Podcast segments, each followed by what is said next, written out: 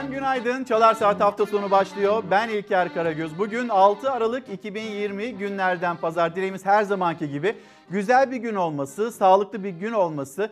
Cuma akşamı 21'de başlamıştı. Pazartesi sabah 5'e kadar devam edecek o sokağa çıkma kısıtlaması hafta sonunda ki çalışacak olanlar ya da muaf olanlar var. Bu nedenle de aslında hani biz Nisan ayında, Mayıs ayında görmüş olduğumuz tüm o sokakların sessizliğini, sakinliğini bu sokağa çıkma kısıtlamasında görmüyoruz. Ama yarın sabah 5'te bu sokağa çıkma kısıtlamasının biteceğini bir kez daha hatırlatalım. Neden söylüyoruz? Çünkü dün bir takım denetlemeler vardı. Türkiye'nin dört bir yanında hala sokağa çıkma kısıtlaması olduğunu, yasak olduğunu sokağa çıkmanın bilmeyenler vardı. Hatırlatmış olalım. Eğer dışarı çıkarsanız ve polisle karşılaşırsanız bunun cezasının da 3150 lira olduğunu hatırlatalım. Bugün bunu konuşalım başlığı altında sizlerle buluşuyoruz. Sosyal medya hesaplarımızda görüyorsunuz. İlker Karagöz Fox Instagram adresim, Karagöz İlker Twitter adresim. Bu adreslerden bizlere ulaşabilirsiniz. Bunu konuşalım dediğiniz biliyoruz ki pek çok konu var, başlık var. Mesela esnaf. Esnaf konusunun e, ince ince değerlendirilmesi gerekiyor. Çünkü zaten hani Nisan ayında Mayıs ayında ciddi sıkıntılar yaşamışlardı ve şimdi yine kısıtlamalar ve esnaf zor durumda biz dar boğazdayız ne yapacağız demekte. E, memur var asgari ücret meselesi var acaba kaç lira olacak asgari ücret konuşalım dediğimiz konulardan e, bir tanesi de bu olacak. Yani ekonomiyi konuşacağız geçimi konuşacağız enflasyon rakamlarının e, ne kadar bizi tarif ettiğini bunu da konuşmak istiyoruz ama bugün başlarken çok uzun süredir zaten aylardır ilk haberimiz koronavirüs. Bunu konuşalım dediğimiz ilk başlık da bu. Hemen bir Sağlık Bakanı Fahrettin Koca onun dün sosyal medya üzerinden yapmış olduğu açıklamaya bakalım. Sonra yine sorulacak konulardan sorulardan bir tanesi o tablo da gerçeği ne kadar yansıtıyor ya da tarif ediyor bunu da konuşalım isteriz. Fahrettin Koca dedi ki tespit edilen hasta sayımız 6128. Sokağa çıkma kısıtlamalarının tek sebebi toplum sağlığını korumaktır. Hepimizin üzerine düşeni yapması gerektiğini hatırlatıyor. Evimiz en güvenli yerdir. Kapalı ve kalabalık ortamlara ara verelim. Hafta sonu kapalı ve kalabalık ortamlara ara veriyoruz ama hafta içinde kapalı ve kalabalık ortamlara maalesef yine girmek durumunda kalıyoruz. Uzmanların çağrısı ortak. Yani bizim 14 gün kapanmamız gerekiyor. 14 gün kapandıktan sonra aslında biz bu salgını, bu bulaşı kontrol altında tutabiliriz değerlendirmesi yapılıyor. Bir aşı meselesi var. Aşı meselesini de konuşalım istiyoruz. Bugün Enfeksiyon Hastalıkları Derneği Başkanı Mehmet Ceyhan Hoca burada olacak. Aşıyı yaptırırım diyenler var, yaptırmam diyenler var, kararsız olanlar var. Yan etkisi olabilir mi endişesini taşıyanlar var. Yine bunu konuşalım dediğimiz konulardan bir tanesi olacak. Bu arada Fahrettin Koca'nın bir açıklaması daha var. O da İl Sağlık Yöneticileri ve Başhekimlerle yaptığı toplantıdan sonra yaptığı bir değerlendirme İstanbul'la ilgili son bir aydaki çabalar ve tedbirlerle bu hafta vaka sayısında İstanbul'da %25'lik bir azalmanın olduğunu Sağlık Bakanı Fahrettin Koca söylüyor. Şimdi biz Haziran ayında, Temmuz ayında salgın kontrol altında cümlelerini de duymuştuk. Bu açıklamalara ne kadar e, böyle temkinli mi yakmak, yaklaşmak lazım? Bu açıklamalar nereye varır? Biraz daha böyle toplumda rehavete neden olabilir mi? Değerlendirelim istiyoruz. Birlikte konuşarak yaptığımız bir program Çalar Saat hafta sonu. Bunu konuşalım. Başlığımız ve başlıyoruz. Türkiye'nin koronavirüs tablosu. Dün itibariyle artık 200 sınırına çok yaklaştığını görüyoruz. Önümüzdeki günlerde ve haftalarda ölüm sayılarında bir artış karşımıza gelebilir. Bu artış eğer önlenemezse Aralık ayı ve sonrasındaki aylar açısından sağlık sisteminin yanıt verme kapasitesinin daha da zorlanabileceği anlamına geliyor. Salgında tablo giderek ağırlaşıyor. Son 24 saatte tespit edilen 31.896 yeni vaka var. Hasta sayısı ise 6.128. Vaka ve hasta sayılarında bir gün önceye göre az da olsa bir düşüş var ancak ağır hasta ve vefat sayısında artış devam etti. Bir günde vefat edenlerin sayısı 196, ağır hasta sayısı ise 5800 oldu. Salgın sürecindeki en kötü günlerini yaşıyor Türkiye. Bir 14 günlük en az kapanma yapılabilmiş olsa bugün karşımızda hem olgu sayısının hem de ölüm sayısının daha az olma ihtimali olabilirdi. Uzmanlar haftalardır bu çağrıyı yapıyor. O çağrının ne kadar önemli olduğunu son tabloda ortaya koydu. Normalleşme sürecinden sonra artan vaka ve ölüm sayısını azaltabilmek için Türkiye'nin kısıtlamalara yeniden dönüş süreci 20 Kasım'da başladı. Cumartesi akşamı saat 20'den pazar sabahı 10'a kadar, pazar akşamı saat 20'den pazartesi sabahı 5'e kadar sokağa çıkma yasağı getirildi. O kısıtlamalar da tabloya çok etki etmedi. Hafta içi özellikle saat 21'den sonra sokağa çıkmanın yasaklanması bu salgının bulaşması açısından bir olumlu etkiye sahip değil. Çünkü zaten bulaş gündüz saatlerinde daha fazla karşımıza çıkıyor. Bir hafta sonra da 30 Kasım'da yasakların kapsamı genişletildi. Saat sınırlamalı kısıtlama hafta içine kaydırıldı. Hafta sonları tüm gün sokağa çıkma yasağı getirildi. Hafta sonu iki günlük de olsa tam kapanma girişimi bir miktar azalmayı karşımıza getirebilir. Çünkü toplumsal hareketliği gerçekten de azaltıyoruz. Bulaşmanın en yoğun olduğu noktalar iş yerleri, toplu taşıma ve okullar. Okullarda uzaktan eğitime geçildi, restoranlar kapandı. Ancak fabrikalar, iş yerleri hala açık. Birçoğunda da alınan salgın önlemleri yetersiz. Kısıtlamalara saatler kala yollara dökülenler, marketleri akın edenlerse hiç olmaması gereken görüntülere neden oldu. Eğer biz virüsün gerçekten dolaşımını engellemek istiyorsak en az 14 gün boyunca bir kapanmaya ihtiyacımız var. Eğer hala kararı alınmayan o kapanma 18 Kasım'da gerçekleşseydi Türkiye belki de sıkıntılı süreci bir nebze olsun atlatacaktı. Gündelik çalışanların, işsizlerin, işte evinin elektrik, su, doğalgaz giderlerini karşılamakta zorlananların, emekçi sınıfların gereksinimlerini karşılayacak bir destek sağlandıktan sonra bu kapanmanın gerçekleştirilmesi önemli. Birlikte konuşurken gazetelere de hep birlikte bir göz atalım. Yeni Çağ Gazetesi, Yeni Çağ Gazetesi'nin manşeti bilgi kirliliği COVID-19'un önüne geçti. Türkiye'nin %49'unun yaşadığı kentleri yöneten 10 CHP'li belediye başkanı bize yansıyan vefat sayısıyla hükümetin sayıları arasında 3 kata varan farkın huzursuzluğunu yaşıyoruz dediler. Covid-19 mücadelesinde devlet kurumlarıyla birlikte çalışmaya hazır olduklarını vurgulayan başkanlar her evden bir cenazenin kalktığı süreçte idarecileri tüm gerçekleri paylaşmaları konusunda kararlılığa davet ediyoruz ifadesi kullanıldı. Ortak açıklamada şöyle denildi. Toplum sağlığının korunması açısından bilim insanlarının önerileri doğrultusunda 3 haftalık kapanmanın elzem olduğu noktasında görüş birliği içinde olduğumuzu kamuoyuna duyurmak isteriz. Yani e, biz işte Temmuz ayının son döneminden sonra vaka sayılarını o turkaz tabloda göremiyorduk. Sonrasında yavaş yavaş öyle o kadar çok neden açıklamıyorsunuz denildikten sonra biz işte Kasım ayının ortasıyla birlikte o vakaları yeniden görmeye başladık. Bakıyoruz ki dünyada Türkiye vaka sayısıyla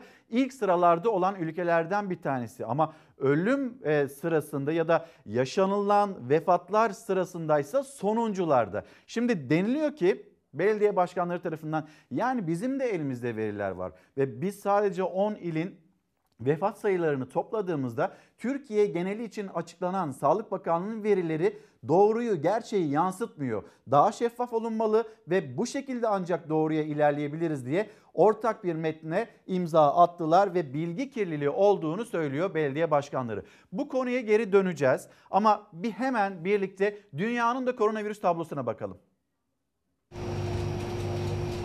Rusya'da geliştirilen Sputnik 5 aşısı öncelikli gruplara uygulanmaya başladı. Amerika Birleşik Devletleri'nde Enfeksiyon Hastalıkları Enstitüsü Başkanı Dr. Fauci kafaları karıştırdı. Aşı onayı verdiği için İngiltere'yi eleştiren Fauci, eleştirisinden dolayı özür diledi. Hastalığın tedavisi için tünelin sonunda ışık göründü diyen Dünya Sağlık Örgütü tüm dünyayı uyardı. Salgının birçok ülkede sağlık sistemini tehdit ettiği, kimsenin rahatlamaması gerektiği vurgulandı. Pandemiye karşı zorlu mücadele devam ediyor. Sadece 24 saatte 620 binden fazla vaka tespit edildi. Bugün dünya genelinde virüse temas sayısı 67 milyona tırmandı. Can kaybı 1 milyon 530 bini geçti. Rusya'da geliştirilen Sputnik 5 aşısı Moskova'da uygulanmaya başladı. Sadece öncelikli gruplara yapılan aşıda grupların içinde yer alan doktor, öğretmen ve sosyal hizmetler çalışanları aşı merkezlerine akın etti. Aşı olmak için aranan şartlar arasında 18-60 yaş arasında olmak, kronik rahatsızlığın bulunmaması, son 30 gün içinde hiçbir aşı yaptırılmamış olması yer alıyor.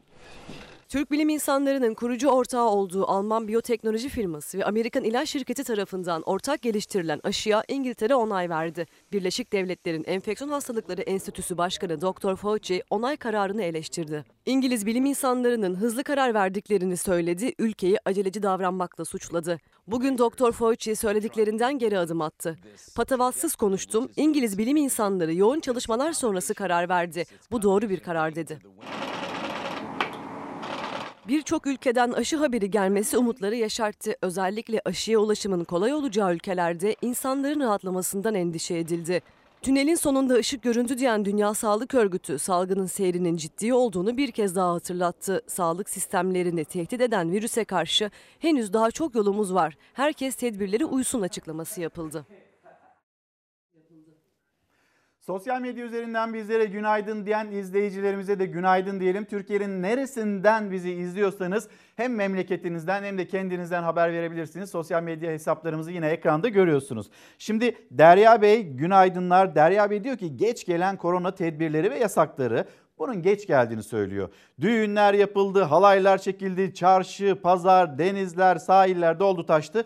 Kış geliyor koronavirüs de patladı. Şimdi bunun böyle olacağını aslında yaz aylarında uzmanlar söyle, söylemişti. Ama biz yine bilim kurulunda olan üyelerden salgın kontrol altında ifadelerini de duymuştuk. Bir tarafıyla bilim kurulundan gelen açıklamalar, diğer tarafıyla işte Kayı Ampala gibi hocamız, Mehmet Ceyhan hocamız, e, Esin Davutoğlu, Şenol hocamız ve pek çok hocamız salgınla böyle mücadele edilmez. Bitti gitti diye bir şey yok. Yaz aylarında sıcakla birlikte bu virüs hiçbir yere gitmeyecek demişlerdi gitmediğini ve gitmeyeceğini de bizlere işte yaşayarak öğretti. Nisan ayında, Mayıs ayında yaşadığımız kısıtlamalar Aralık ayının ilk haftasında ve ilk hafta sonunda tam sokağa çıkma şeklinde bizlere kendisini gösterdi. İsmet Bey günaydınlar. Bunu konuşalım ya hani bugünkü başlığımız asgari ücreti konuşalım. Kısa çalışma ödeneğini konuşalım. Emeklilikte yaşa takılanları konuşalım demekte. Yine e, öğretmenlerimiz var. Atanamamış olan öğretmenlerimiz. Onlar kendilerini hatırlatıyor. Yine e, kamuda iş isteyen, iş arayan mühendislerimiz var, sağlıkçılarımız var. Denklik bekleyen doktorlarımız var. Onlar da bu konuların konuşulmasını istiyorlar. Siyaset ve siyasetin konuları bir tarafta kalsın vatandaşın öncelikli konularının gündeme gelmesini istiyor ee, izleyiciler. Biz de geldiği kadarıyla sizin aynanız olacağız. Sizin görüşlerinizi yetkililere duyurmaya çalışacağız. Şimdi Yeni Çağ Gazetesi'nde bir haber daha var. Enflasyon rakamları açıklandı. %14.03 seviyesinde piyasaların beklentisinin üzerinde olarak söylendi. Aslında vatandaşın beklentisinin hala çok altında bir enflasyon rakamı açıkladı TÜİK. Ve şimdi bu Kasım ayı enflasyonu en son Aralık ayı enflasyonu buna bakılacak. Sonrasında memurun, emeklinin, işçinin, çiftçi emeklisinin onların da maaşları ortaya çıkacak. Bununla ilgili bir değerlendirme var emeklilerden. TÜET'ten iktidara zam uyarısı Yeni Çağ Gazetesi'nin ilk sayfasında yer alıyor. Genel Başkan Ergün Aralık enflasyonunu düşük çıkartıp zammı azaltmayın diye seslendi. TÜİK'in ilan ettiği enflasyonun halkın yaşadığı enflasyondan çok düşük olduğunu anımsatan Türkiye Emekliler Derneği Genel Başkanı Ergün, bu ayki enflasyon 2.30 ile emeklilere verilecek zam %7.7 seviyesine kadar çıktı. Belki de %8.1 seviyesinde olacak memurlar için. Bu ay umarım eksi bir enflasyon çıkartmazlar değerlendirmesini yaptı. Şimdi enflasyon rakamlarına bakılıyor. O zamlar da enflasyona göre düzenleniyor. Ama siz halkın yaşadığı pahalılık hani onu tarif etmezseniz o enflasyon rakamlarıyla o zaman vatandaş yine yeni yıla eksi değerlerle ya da geçinememe kaygısıyla girecek. Bunun uyarısını yapıyor emeklilerimiz. Şimdi esnafımız, esnafımızı konuşacağız ama bir Milliyet gazetesine geçelim. Dün hani hep birlikte şaşırmıştık ve yine o şaşırtan haberle ilgili Milliyet gazetesinin manşetinde bir değerlendirme var. Türkiye bu habere şaştı kaldı. Doğu Karadeniz'de bir üfürükçünün 3 köye virüs üflemesinin konuşulduğu saatlerde Akçabat'ta karantinaya alınan bir mahallenin sakinleri diğer evlerine, akrabalarının yanına kaçtı. Yani buradaki kısıtlamaların gerekçesi neydi? Kalabalık olmayacağız. Evden işe, işten eve mümkün olduğunca kendimizi virüse karşı koruyacağız. Ama biz hani başka bir eve gitmeyeceğiz. Biz akrabalarımızın yanına gitmeyeceğiz. Evlerde buluşmaların gerçekleşmemesi gerekiyor. Hala bunların da devam ettiğini görmekteyiz. Biz bu virüsü yener miyiz? Yeneriz. Aşı çıktıktan sonra bunun çok daha kolay olacağı söyleniyor. Ama sadece aşıyla değil aynı zamanda toplumsal bir seferberliğe ihtiyaç var. Bu kurallara uyulmadığı takdirde virüs yayılmaya devam edecek ve her gün yeni rekorlar kırmaya devam edecek. Ve biz yine sevdiklerimizi, büyüklerimizi kaybetmeye devam edeceğiz. Bunu yapmamamız gerekiyor. Milliyetin dün manşetinde yer alan 3 köyü üfürdü haberimiz Türkiye'nin gündemine oturdu. Koronavirüsten korumak için 3 köydeki vatandaşları üfleyen ve okuyan kadının 136 vatandaşa korona bulaştırması ve turşu kurmak için bir araya gelen 3 aileden 21 kişinin pozitif çıkması özellikle sosyal medyada binlerce kere paylaşıldı. Evet bilime mi inanacağız bir üfürükçüye mi inanacağız? Üfürükçünün aşıyı bulduğuna inanıyorsunuz o zaman çağırın. Ama sonucun ne olacağını da bilmeniz gerekiyor. 136 kişi o üfürük sonrasında koronavirüse yakalandı. Allah korusun ki zaten hastanelerde yoğun bakımlar her yerde dolu. Koridorlar bile yoğun bakıma çevrilmiş durumda. Allah korusun o 136 kişiden bazıları bu virüs nedeniyle zor günler geçirecek. Lütfen bunu yapmayın. Hatırlattıktan sonra. Bilinçsizlikten kaynaklanan benzer bir vakaysa dün Akçabat'ta yaşanmış efendim. Adacık Mahallesi'nde COVID-19 vakaları artınca önceki gece 21'den itibaren karantina kararı alındı. Ancak 620 haneli mahalleli bu haberi önceden öğrenince mahalleden apar topar kaçtı karantinada kalmak istemeyen mahallelinin yakınlarının yanına yerleştikleri öğrenildi. Bravo çok güzel yapmışsınız koronavirüsten kaçmışsınız. Ben koronavirüsten kaçtım ya da karantinadan karantinadan kaçtım diye düşünüyorsanız aslında sevdiklerinize eğer taşıyorsanız o virüsü götürdünüz. Aynı zamanda biz sadece hastalığı konuşmuyoruz. Çocuklarımızın eğitimini konuşuyoruz. Esnafın geçimini konuşuyoruz. Yani insanlar dükkanlarını açamıyor. Bir müzisyen vardı dün de ekranlarınıza getirdik. Fox Ana Haber'de de izlediniz. Gözyaşları içinde ya ben geçinemiyorum diyen bir müzisyen. Bakın bir esnaf dün bana sosyal medya üzerinden mesaj göndermiş. Hemen onu bulayım da sizinle paylaşayım. Diyor ki kendisi ya ben bir kuruş destek almadım. Lütfen haberlerinizi takip ediyorum. Ben esnafım, dayanma gücüm kalmadı, battım. Artık ne olur bana yardımcı olun rica ediyorum. Devletten bir kuruş yardım almadığını söyleyen bir esnafımız. Yine bir milletvekili hani nasıl TÜİK bir enflasyon açıklıyorsa milletvekilleri de eşleriyle birlikte çarşıda, pazarda mesela İyi Parti milletvekili Ümit Dikbayır eşi Nigar Hanım'la çarşıya çıktı, pazara çıktı zaten 3 aydır da bunu yapıyor. Bir esnafla karşılaştı. Kıraathane esnafı 10 aydır ben açamıyorum dedi. Açtım zaten hani bunun da bir faydasını görmedim. İnsanlar gelmiyor koronavirüsten çekiniyorlar demekte kendisi. Birazdan izleyeceksiniz o haberi ama ben yardım almadım diyor. Pazarda yani geçinebilmek için yapacağı başka bir şey yok. Pazarda esnaflık yapıyor. Yani siz sorumsuz davrandığınızda, sorumsuzca hareket ettiğinizde çevrenizde de nasıl etkisi olduğunu mutlaka bilmeniz ve hatırlamanız gerekiyor. O zaman esnaflardan devam edin. Bakın esnaf nasıl bir durum içinde? Sorumsuzluklar neticesinde. Bunu da eklemek gerekiyor. 70 personel var. Hepsinin evde çoluk çocuğu aç. Bunlar Mecburlar çalışmaya. O zaman bize ekmek verin kardeşim. Personelime ekmek verin. 70 personel, 70 aile demek. Onun sorumluluğunda. Tek kuruş girmediği için kasasına maaşlarını veremiyor. İstanbul Ataşehir'deki kafe restoran sahibi iş yerinin çatısına çıktı, iş yerinin tabelasını tekmeler atarak yıktı. Esnaf olarak destek görememekten yakındı. Bir genelgede mal sahipleri için çıkartın. Bir genelgede SGK primleri için vergi için çıkarır. Biz burada sahipsiz bulaşıktan gelme adamlarız. Herkes bir tekme vuruyor. Devletimiz canı sağ olsun. Esnaf için hiçbir önlem alınmadan verildi kısıtlama kararı. Küçük bir fabrika gibi aslında. 70 çalışanı var. İlk kısıtlamalardan sonra zaten toparlanamamıştı. Şimdi ne zaman biteceğini bilmediği ikinci kısıtlamada. Diğer tüm esnaf gibi çaresiz. Genç nüfusu çalıştıran bir sektör, korunması gereken bir sektör. Zor da mı çok zor da. Çalışanlarının günlük e, finansal e, değerlerle, gelirlerle çarkı döndürdükleri bir sektör.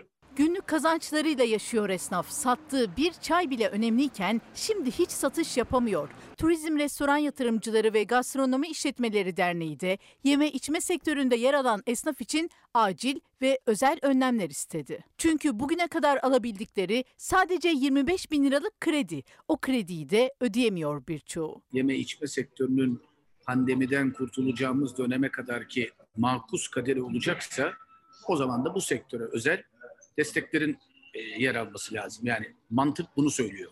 Yeme içme sektörü esnafı başka birçok sektörü ve küçük esnafı da etkiliyor. Yani zincirin en önemli halkalarından. Bir restorana yaklaşık 70-80 kalem ürün girer. Gıda ürünleri de bunun içinde.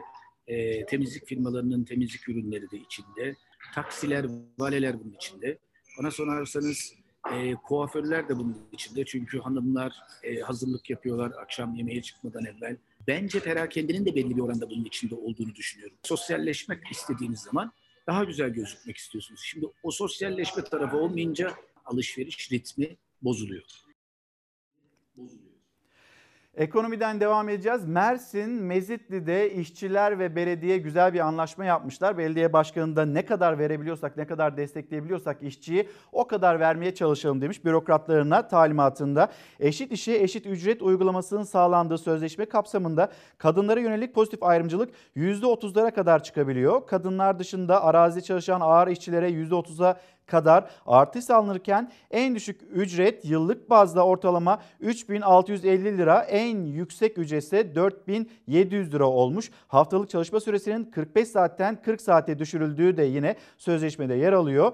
Ee, her işçi yıllık 33 güne eşit 33 gün eksik işe gidecek. Yani bu pandemi günlerine de e, bir takım önlemler alınmış. Karar gazetesine bakalım. Haziranda sandık gelir. Sandık gelir mi gelmez mi? Bir erken seçim var mı yok mu? Bunun tartışması çok uzun süredir siyasette özellikle muhalefet cephesinde devam ediyor. Ve Meral Akşener'in yapmış olduğu bir açıklama Diyor ki Meral Akşener Karar TV'nin yayınında partili cumhurbaşkanlığı sistemi Türkiye'yi taşıyamıyor. Feci bir fakirlik var. Gördüğüm kadarıyla 2021 Haziran gibi seçim olabilir. Olması da gerekir. Muhalefet seçimi istiyor. Peki Cumhur İttifakı, AK Parti yine e, MHP cephesi bir erken seçime nasıl yaklaşıyor? Hayır onlar bu kapıyı çoktan kapatlar. Erken seçim olmayacağı ve seçimlerinde zamanında yapılacağı söyleniyor. Ekonomi başlığına geri dönecek olursak yarın itibariyle Türkiye Büyük Millet Meclisi'nde bütçe görüşmeleri de genel kurulda e, başlayacak. Belki de yine e, alevli, bolca tartışmalı da geçecek bir sürece tanıklık edeceğiz. Ama şimdi o bütçede bakanlıklar, bakanlıkların istedikleri bütçenin karara bağlanması bunun yanı sıra vatandaşa acaba 2021 yılı bütçesinden ne düştü? Bunu Doktor Ozan Bingöl bir vergi uzmanı bizler için yorumladı. 2021 yılının bütçe açığı hedefinin 245 e, milyar lira olduğunu görmekteyiz. Bu hedef 2020 e, yılında 138.9 milyardı.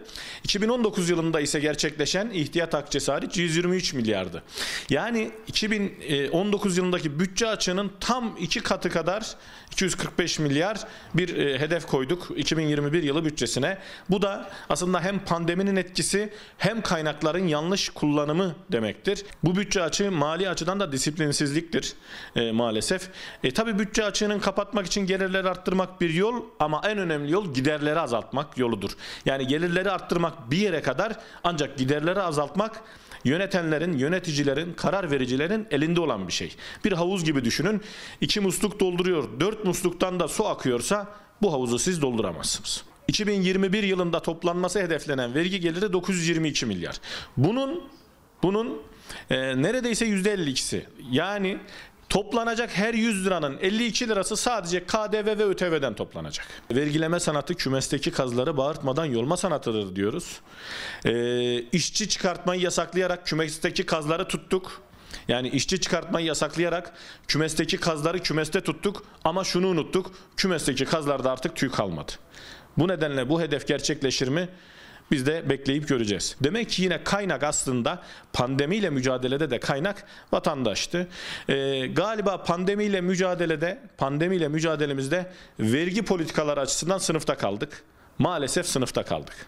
Yani geliri toplarız ama gideri azaltmadığımız, kamu harcamalarını baskılamadığımız sürece maalesef bütçe açıklarından kurtulamayız.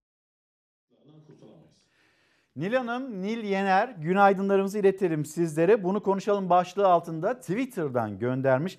Mesleki teknik öğretmenler 5000 atama talep ediyor. Atama taleplerinin duyulmasını istiyorlar. Yine bir izleyicimiz sizce Türkiye'nin gerçek gündemi ne? Bence ekonomi, sağlık ve eğitim sistemi, adalet, hukukun üstünlüğünün olmayışı Bunların konuşulması gerektiğini söylüyor izleyicimiz. Zaten bununla ilgili de bir araştırma vardı ve bu araştırmada İlk olarak vatandaş ekonomiye bakıyor. Öncelikli gündem maddesi olarak bunu görüyor. İkinci başlık bakın pandemi ekonomiden sonra geliyor. Yani sağlık konusu ikinci başlık ve üçüncü başlık adalet, demokrasi bu alanlardaki ihtiyaçlar, bu alanlardaki beklentileri de vatandaş üçüncü sıraya atmış.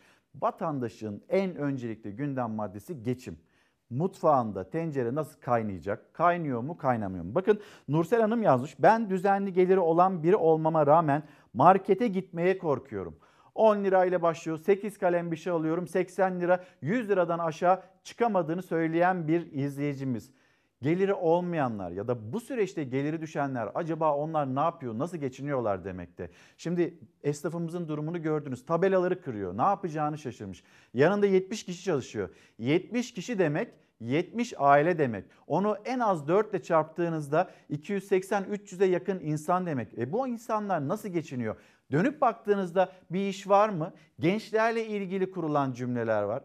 Gençlerimiz iş beğenmiyor deniliyor. Yani bir istihdam alanı yaratamayan ya da iş bulma fırsatlarını yaratamayanlar iş beğenmeme üzerinden gençleri ya da toplumu itham altında tutabiliyorlar. Böyle bir süreçten mi geçiyoruz? Lütfen bunu da konuşalım. Deyip şimdi keskin gündemi birazcık öteleyelim. Şu sokağa çıkma kısıtlamasından önce bir İstanbul sokaklarına bakalım.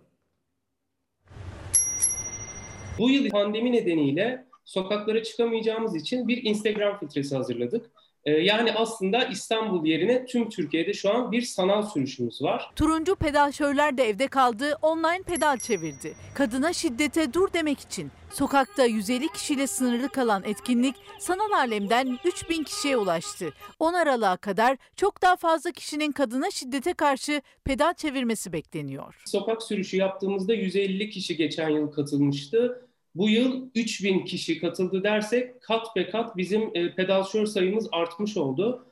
Ve bununla beraber biz başka etkinlikler de aslında yapmak istiyoruz. İsimleri turuncu pedalşörler. 3 yıldır kadına şiddete karşı farkındalık yaratmak için pedal çeviriyordu İstanbul'da. Birleşmiş Milletler'in 25 Kasım 10 Aralık arası düzenlediği turuncu etkinliklere bu kez evlerinden katıldılar. Hazırlanan video filtresiyle katılımcı başında bir bisiklet kaskı görüyor önce. Kaskta kadına şiddete karşı mesaj bulunuyor. Instagram üzerinden filtremizi kullanarak e, siz filtreyi açtığınızda kafanıza turuncu bir kask e, geliyor. Üstünde kadına yönelik şiddete son yazıyor. Önünüze ise turuncu bir bisiklet geliyor ve siz çevrenize meydan okuyarak e, ben kadına yönelik şiddete son diyorum. Sen de bana katıl diyebiliyorsun. Bu filtreyle video veya fotoğraf çeken katılımcılar sosyal medyada yaptıkları paylaşımla kendi çevrelerini de bu filtreyi kullanmaya davet ediyor. Turuncu pedalşörler adı altında e, birçok kurumu, birçok kuruluşu, birçok kişiyi kapsama altına alıyoruz.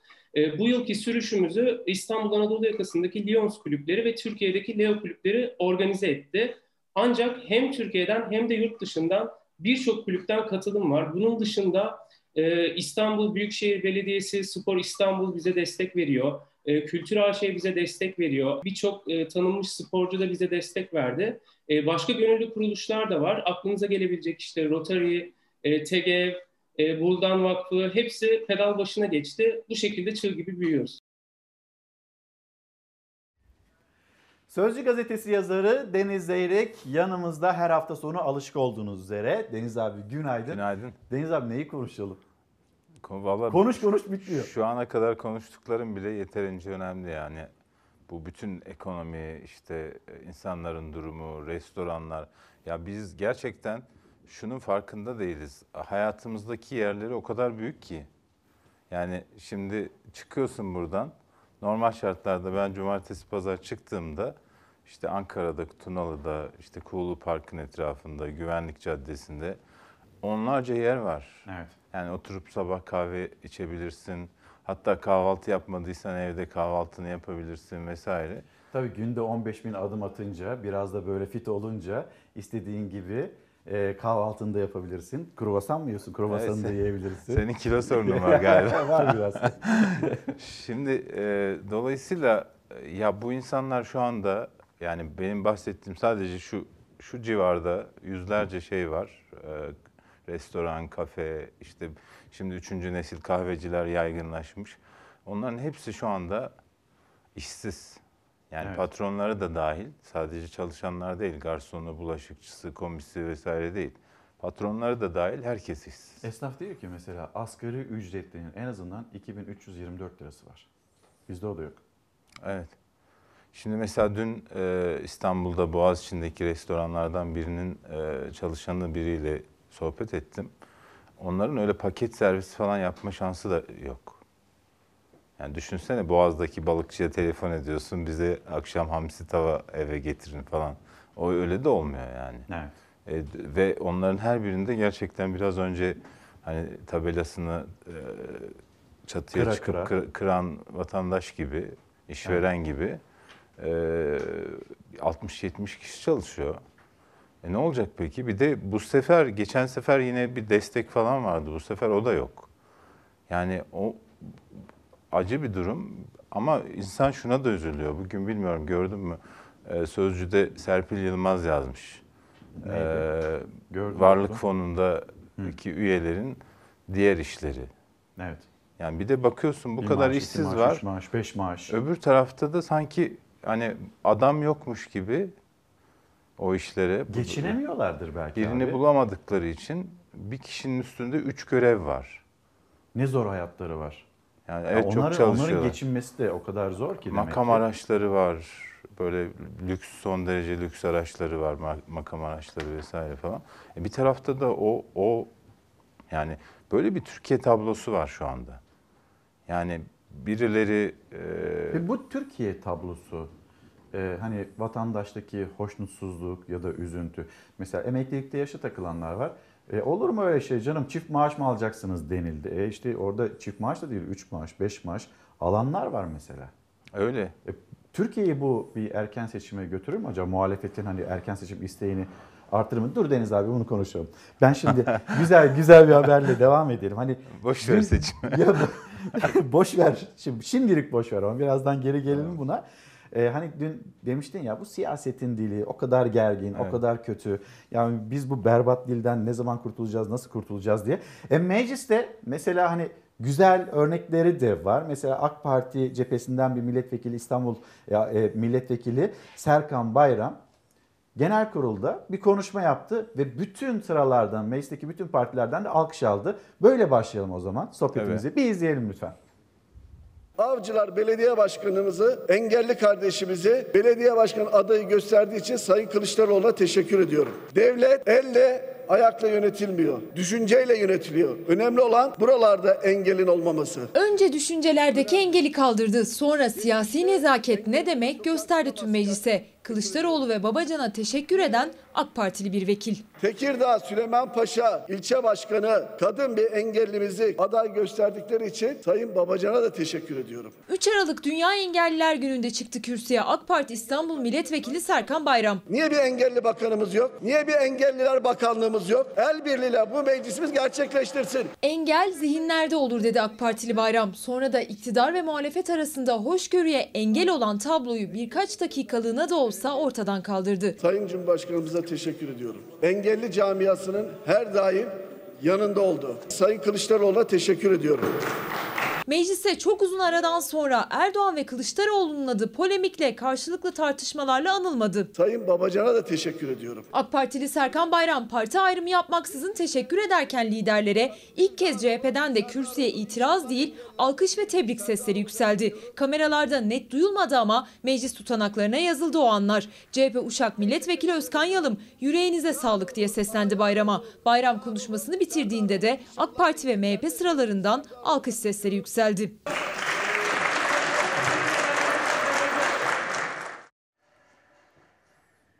Şimdi hani siyasetin bu dili herkese de iyi geliyor. Herkes tarafından alkışlanıyor olması da Evet. güzel. Ne oldu? Güzel bir yani örnek. başına kötü bir şey mi geldi? Ya niye Serkan gelsin? Bey? Yani hani karşı tarafın yaptığı iyi bir şeyi e, söylemek, bunun karşısında alkış almak, takdir almak.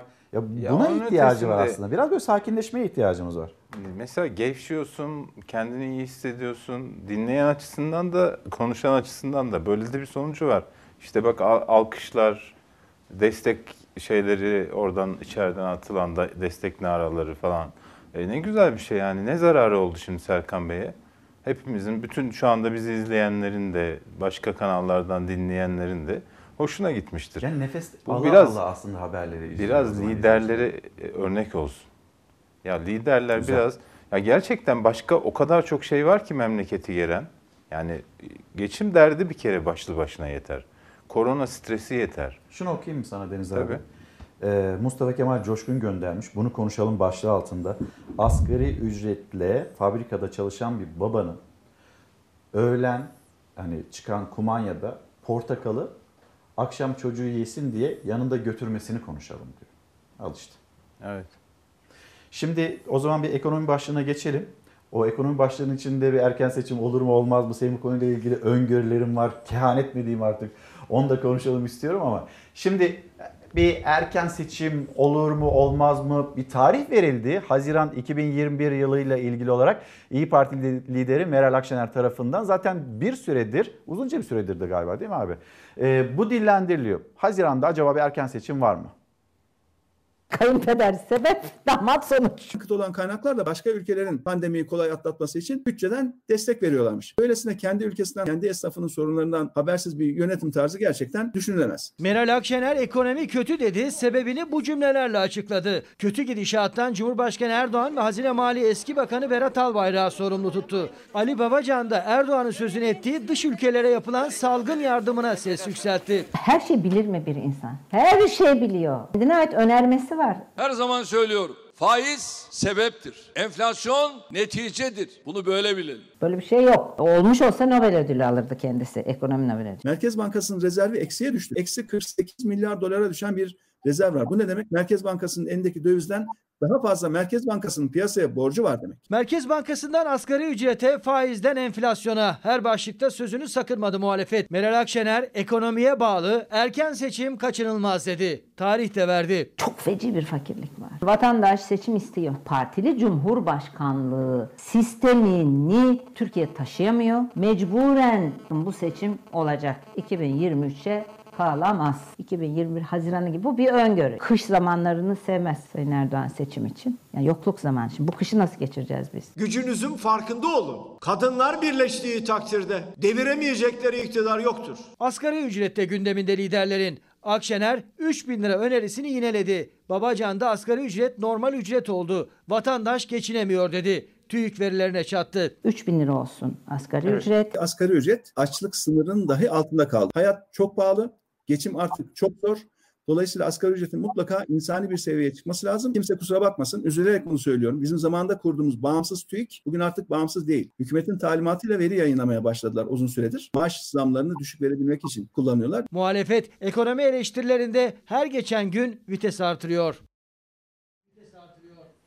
Acaba ekonominin bu durumu Türkiye'yi muhalefetin de söylediği gibi bir erken seçime götürür mü götürmez mi Deniz abi? Yani o tarihte olmaz diye düşünüyorum ben Meral Hanım'ın söylediği ama 2023'e de kalmaz. Yani 2021 Haziran çok erken. Zaten bu aşı vesaire bu korona meselesi o tarihlerde yeni yeni hafiflemeye başlayacak. E, tam böyle şeyden sorunlu dönemi atlatıp da e, seçime gitmek çok Cumhurbaşkanı açısından mantıklı değil. Zaten seçime gitmenin başka yolu da yok. Yani Cumhurbaşkanı zorunda kalmadığı sürece ve kazanacağını görmediği sürece seçime gitmez. 2021 Haziran'ında e, gireceği bir seçimi kazanacağını zannetmiyorum. O zaman sence ne zaman olur? Ben bir, bir sonraki yıl belki... e, 2022'nin Haziran'ı mı? Evet, Baharı mı? biz, bir sonraki yıl olabilir. Yani çok fazla e, yani bir sene bir sene vesaire kala olabilir diye düşünüyorum. Çünkü e, şu an şu koşullarda dünyanın en başarılı yöneticisi olsanız bile vatandaşın e, karnı doymuyorsa, cebine para girmiyorsa, işsizse ondan oyalamazsınız. Yani belki başka rakiplerinize de vermez ama size de vermez yani. İktidardaki partilerin böyle bir dezavantajı var.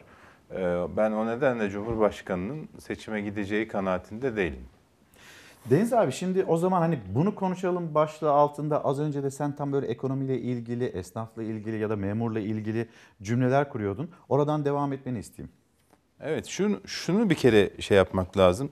Şimdi bir başka bir şey dikkatimi çekti. Ona da izin verirsen bir altını Nedir çizeyim. lütfen? Şimdi biraz önceki haberdeki görüntüleri hatırlıyor musun? Meral Akşener konuştu, Babacan konuştu. Nereden konuştu? Biri Karar TV, Evet. öbürü Ruşen abinin, Evet. Ruşen Çakır'ın Medyaskop'u. Ee, buradan birileri bir sonuç çıkarmalı diyorum. Bak yani mesela Fox TV çok izleniyor. Gerçekten ben yani görüyorum birçok yerde televizyona çıkıyorum. Ama karşılaştığım insanlar hep Fox TV'de izlediklerini söylüyorlar genelde.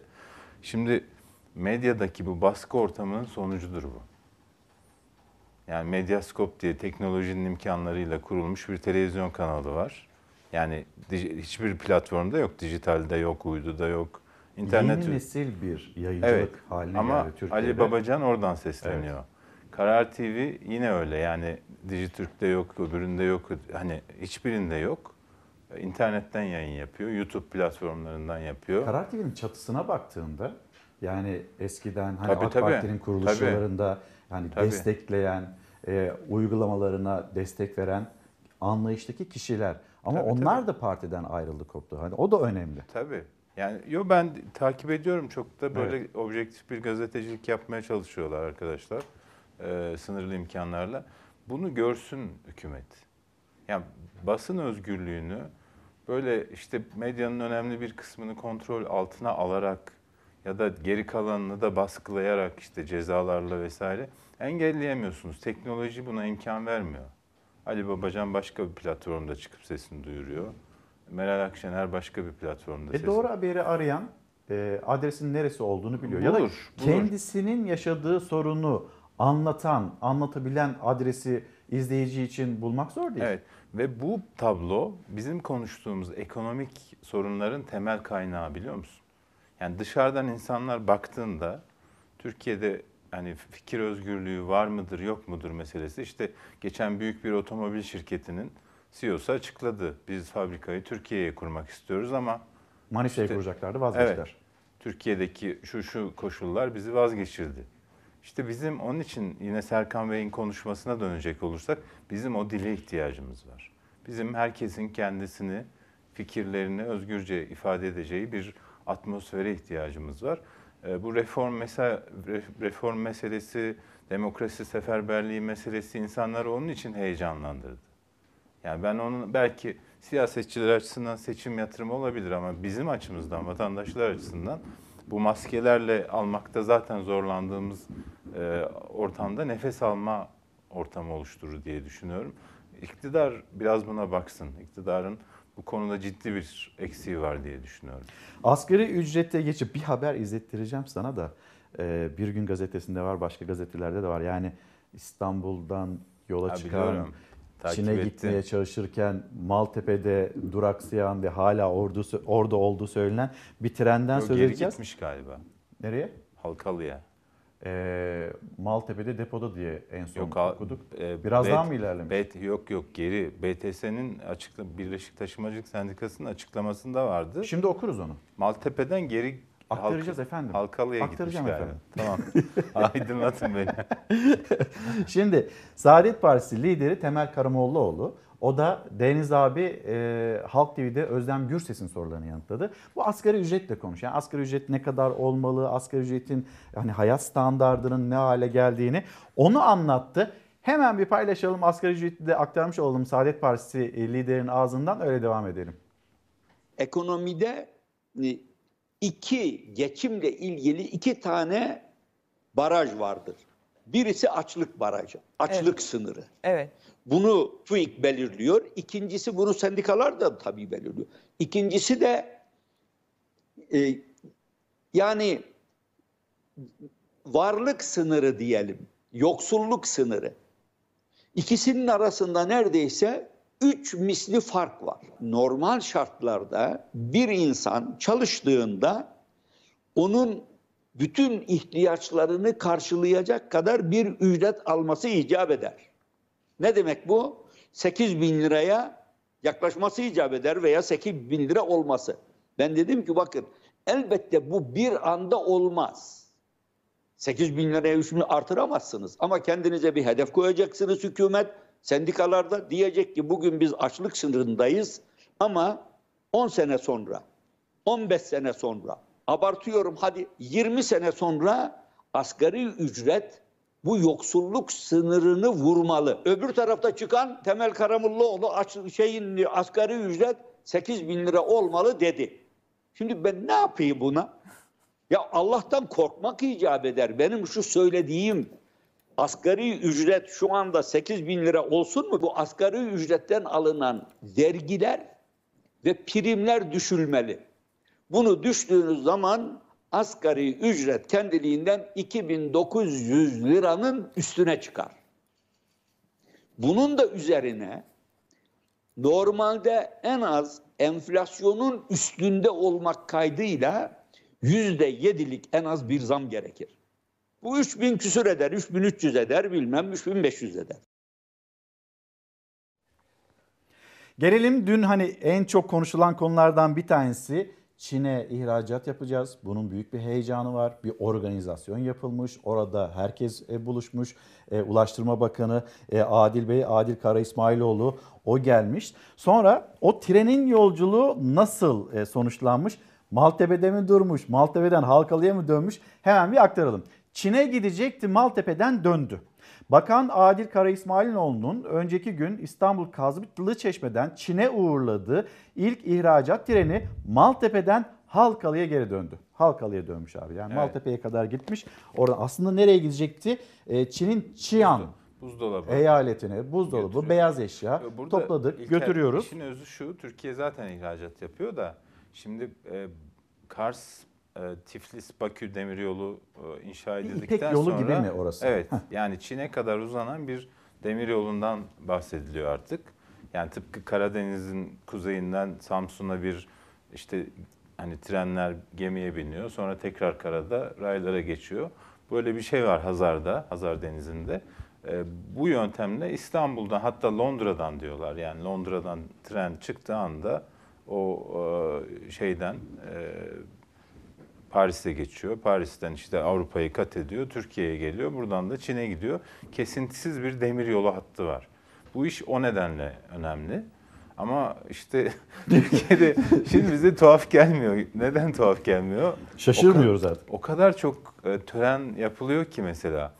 E, Törene yazık. Mesela Oradaki Antep'te bir fabrika yazık, açılıyor. sandalyeler konulmuş. Fabrika açılıyor. Adam çıkıp diyor ki sahibi ya biz 15 senedir zaten faaliyetteyiz. Ya da bir fabrika açılıyor. Orada çalışan biri diyor ki ben- Heyecan olsun benim diyedir. 30. Belki hani yılım şevk emekli gelsin. olacağım. Ya da tören yapılıyor. İşte bu Çankırı civarında olmuştu. Ee, bayağı görkemli törenler yapılıyor. Sonra gidiyorsun aradan iki sene geçmiş çivi bile çakılmamış. Ne- nerede fabrika? Hani nerede? Bu- O kadar çok örnek var ki bu da Biz tören yapacağız dedik, fabrika yapacağız demedik ki diye bir açıklama gelirse Evet. ona da bu şaşırmayacak. treni böyle istasyonlarda atıyorum mesela Gürcistan'da, Bakü'de vesaire falan bekliyorlarsa ya da işte başka yerde biraz selamsız bandosu gibi olacak boş. İzleyelim mi haberi? Olur. Bir izleyelim haberi. Buyurun. İki kıta, iki deniz ve beş ülke geçerek 12 günde yükünü Çin'e ulaştıracaktır. İki kıta geçecekti ama Avrupa'dan Asya'ya geçti. 12 gün değil 12 durak sonra durdu. Türkiye'den Çin'e gidecek ilk ihracat treniydi. Süslendi. Bir de tören düzenlendi. Ulaştırma Bakanı sefer iznini bizzat verdi. Ama değil Türkiye İstanbul sınırlarını bile geçemedi. Yola çıktığı günün akşamında da Maltepe'den Halkalı Garı'na geri döndü. Birleşik Taşımacılık Çalışanları Sendikası'nın iddiasına göre şu anda da Halkalı'da. Trenin sadece Kazlıçeşme ve Maltepe arasında çalışmış olduğunu gördük. Maltepe'den bu tren Halkalıgar'a tekrar götürülerek devamı Çin'e sağlanmamış oldu. Tren Çerkezköy istasyonundan 42 konteynerde taşıdığı beyaz eşyayla başlamıştı yolculuğuna. Bu bir ilkti. İlk olunca törende düzenlendi. Bakan geldi. Protokol sıradaydı. İstanbul'dan Şiyan'a kesintisiz bir şekilde ulaşacak ilk ihracat trenimiz için düzenlediğimiz bu anlamda uğurlama töreninde trenimizin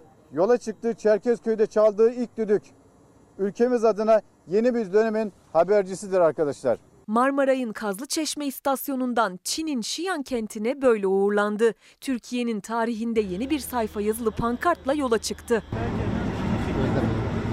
Yolu her daim açık olsun. Bakan yolu açık olsun dedi ama o yol sendikanın iddiasına göre çok kısa sürdü. Tren Marmaray'dan geçti, Maltepe istasyonuna geldiğinde üstüne asılan pankartlar söküldü ve Halkalı Garı'na geri getirildi. Kazlıçeşme istasyonunda törenle uğurlanan bu trenin Maltepe'de sonlandığını gördük. Bugün de tarihi bir ana şahitlik ediyoruz. O tarihi anlar için sendikanın iddiasına göre İstanbulluların çile anları başladı. Çünkü tören 56 saatlik sokağa çıkma kısıtlamasına saatler sayılırken düzenlendi. Bu yüzden Marmaray seferleri de alt üst oldu. Yolcu trenlerinden 9'unun seferi iptal edildi. 10 yolcu treninin de sefer durakları kısaltıldı. Ulaşımda toplam 92 dakikalık bir rötar yaşandı. Gece geçmesi gerekiyordu. Çin bağlantılı olduğu söylenip ama Çin'e gitmeyen bir trenin e, töreni için çok sayıda Marmaray yolcu trenlerinin iptal edilmesi İstanbullu yurttaşlarımızın mağduriyet yaşamasına da ayrıca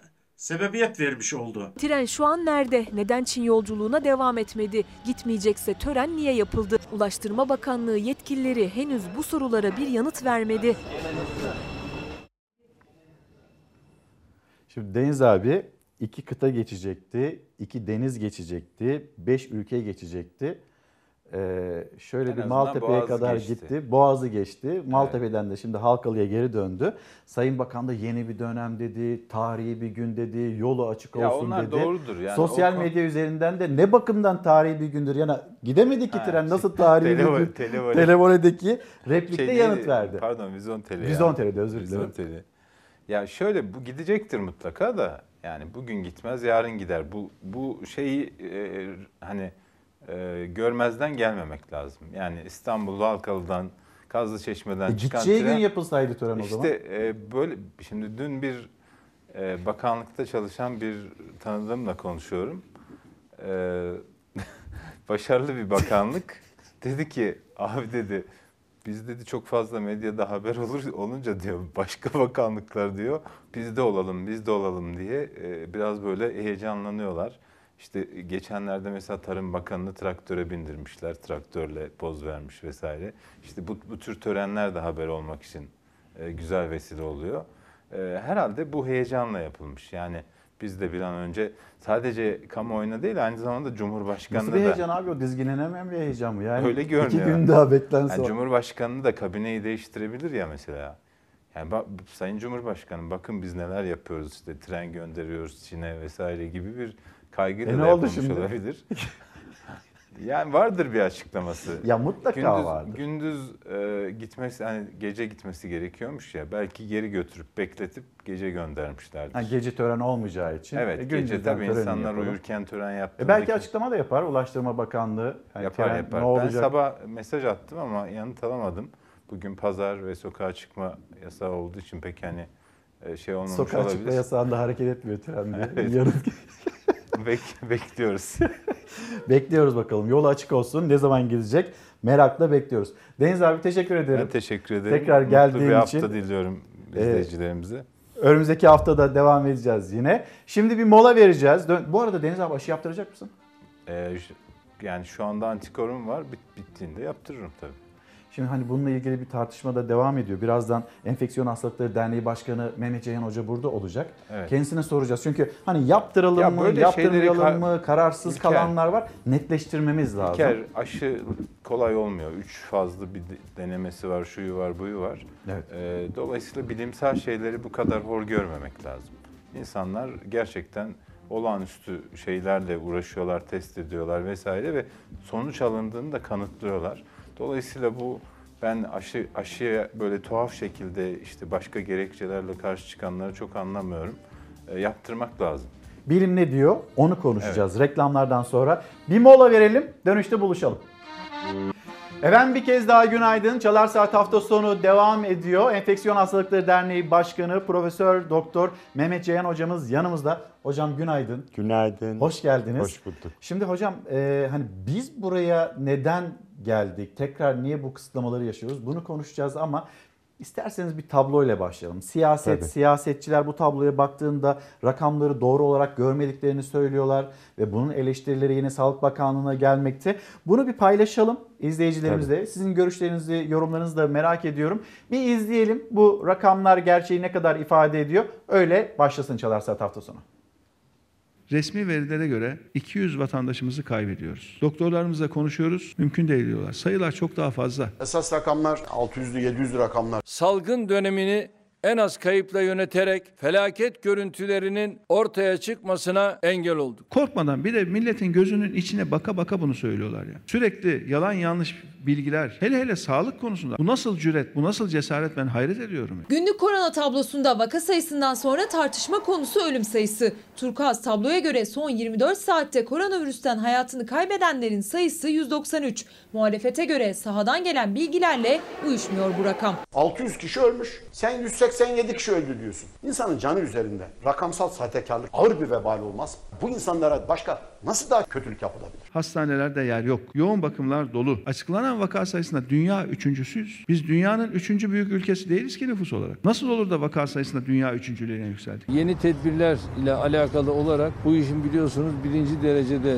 sorumlusu bilim kurulu. Hepsinin buraya kadar gelmiş. Bilim kurulunda insanlar istifa etmeyi düşünenler var. Çünkü öneriler hayata geçirilmiyor. Yukarıda olan tek adam her şeyi biliyor. Aklınıza ne geliyorsa her konuda uzman. Vaka sayıları açıklanınca hasta sayısına göre tablonun çok daha korkutucu olduğu da ortaya çıktı. Cumhurbaşkanı Erdoğan topu bilim kuruluna attı. Muhalefet bilim kurulunun aldığı kararlara iktidar uymuyor dedi. İyi Partili Koray Aydın'a göre Sağlık Bakanı'nın da işi zor. Onun çektiği ızdırabı kolay kolay herkes çekemez. İşini tam yapmaya uğraştığını görüyorum. Ama tek adam düzeninde yaşıyoruz ya. Gerçekleri halkımızdan gizleyemezsiniz. Gizleyemezsiniz. Muhalefet iktidarın salgın sürecini iyi yönetemediğini iddia ederken aşı da bir başka tartışma konusu. Açıklanan rakamlara güvenilmeyen bir hükümetin tavsiye ettiği aşıya nasıl güveneceğiz doğrusu ben çok emin değilim. Önce Sayın Erdoğan yaptırsın aşıyı.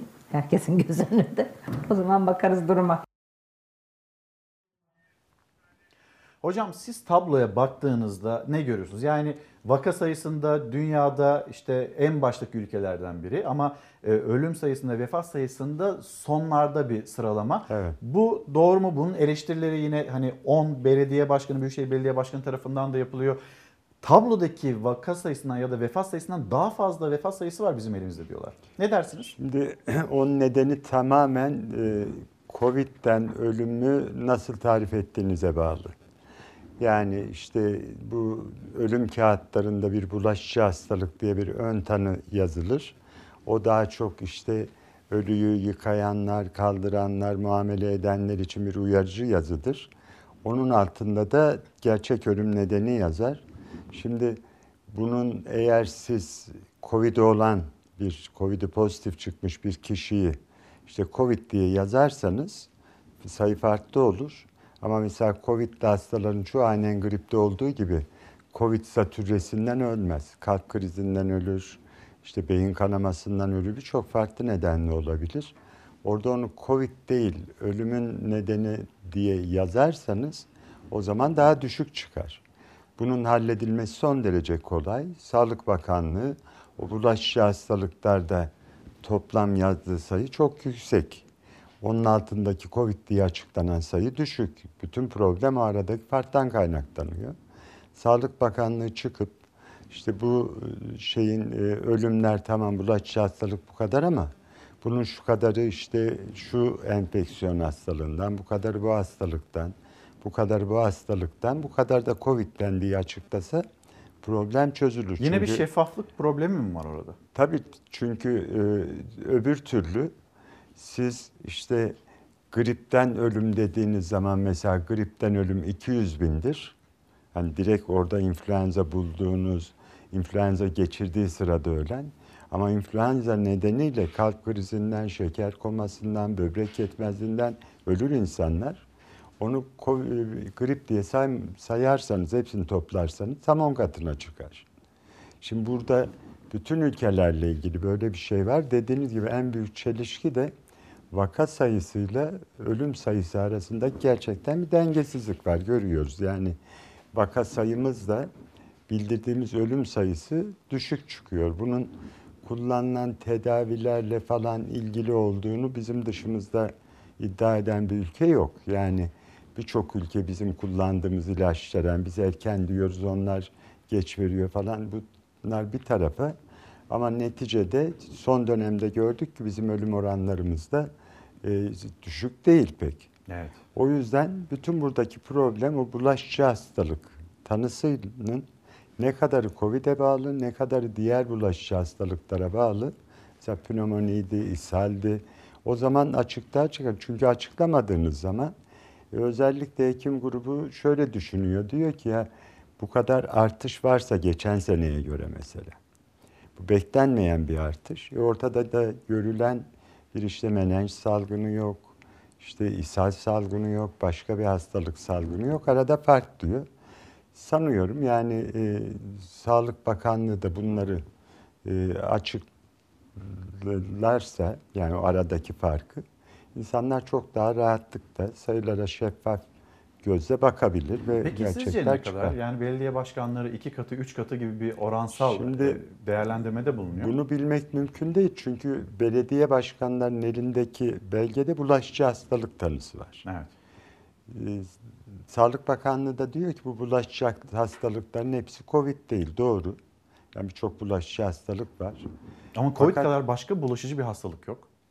İşte şöyle e, olsa bile geçtiğimiz sene kadar var. Hı hı. Yani herhangi bir bulaşıcı hastalıkta bir artış falan gözlemedik bu sene. Hatta tam tersine kullanılan maske nedeniyle işte grip gibi özellikle solunum yoluyla bulaşan hastalıkların sıktığında düşüş var. Şimdi o- yüzden de insanların kafası karışık.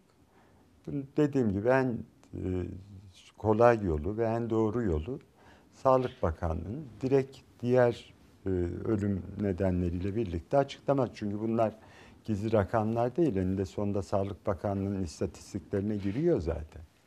Bütün tek tek her bulaşıcı hastalığın sayısı, ölüm sayısı falan sonunda yıllık istatistiklere yansıyor zaten. Hocam şimdi e, özellikle tabii izleyicilerimiz onların merak ettiği konu aşı. Aşı ile ilgili nasıl bir tavır takılması gerekiyor? Çin aşısı mı yoksa ne bileyim Avrupa menşeli bir aşı mı?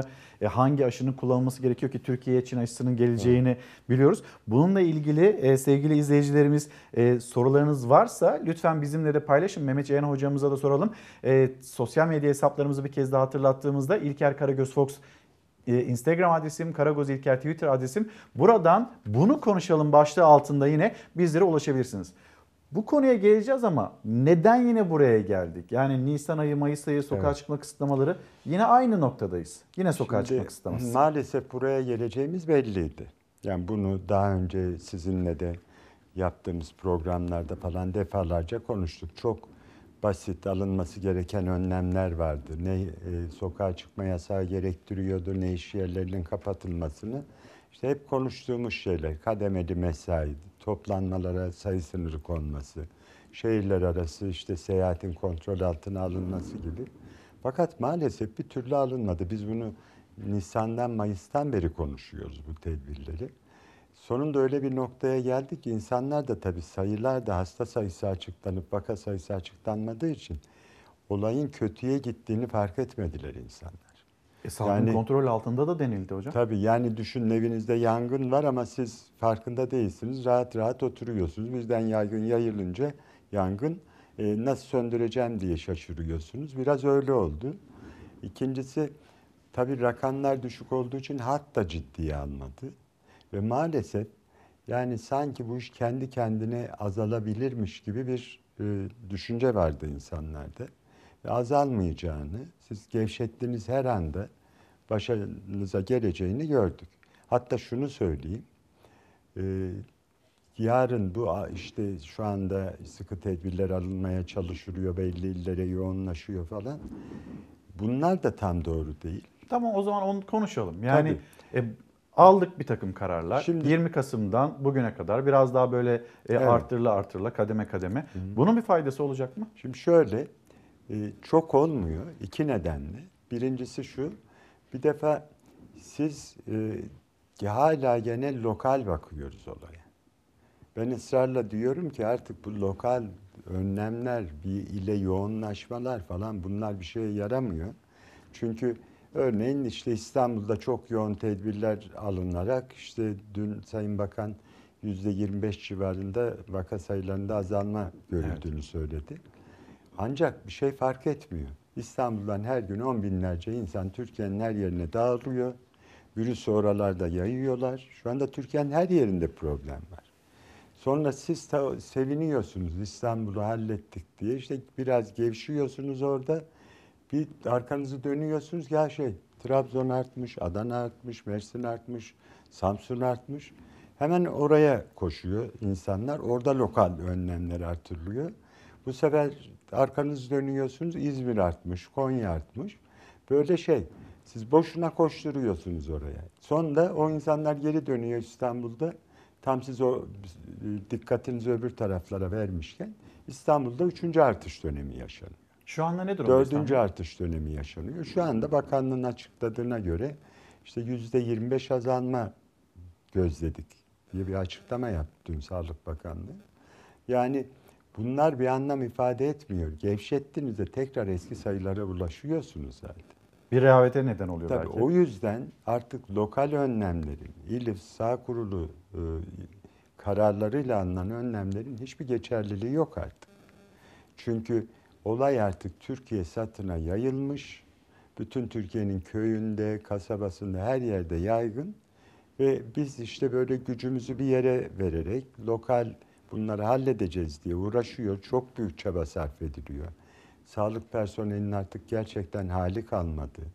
O işte e, şeylerin evlere giden işte temaslı takip ekiplerinin falan hiçbir şey yani gücünün sonunda Son ama bir haftada bitmiyor. hocam. Son bir haftada 29 sağlık çalışanı hayatını kaybetti. Şimdi tabii ki e, bu Covid-19'un e, meslek hastalığı olarak kabul edilmesini istiyorlar. Belki bununla ilgili de cümleleriniz Bir olacaktır. diğer bir cümlede yani diğer neden de şu. Şimdi bu hastalığın bir türlü gripten farklı bir bulaşı olduğunu kavrayamadık. Yani grip olsaydı bu alınan önlemlerle bu salgın bitmişti şimdi. Azalmıştı. Ama Covid grip gibi yayılmadığı için, çok farklı bir yayılım gösterdiği için bizim aldığımız önlemler yeterli olmuyor. Çünkü bu hastalık büyük bir kısmında insanların böyle bir kişinin yüz kişiye bulaştırması şeklinde bulaşıyor.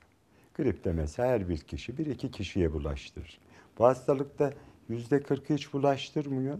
Yüzde kırkı bir iki kişiye bulaştırıyor ama bir yüzde yirmi var ki bir kalabalığa 200 kişilik bir yere düğündü, toplantıydı, işte mitingdi neyse oraya giriyor ve oradan birdenbire yüzlerce hasta çıkıyor. Şimdi biz kalabalıkları bütün yani ilk alacağımız tedbir bu kalabalıklaşmayı, bir araya gelmeyi önlemek olmalı. Yani mesela hala toplanmalara sayı sınırı koymadık.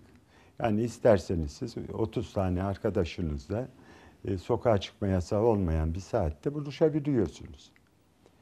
İşte ilk halbuki alınması gereken tedbirin bu olması lazım. Seyahatlerin kısıtlanması lazım. Çünkü öbür türlü başa çıkmak çok zor. Yani bir olay düşünün.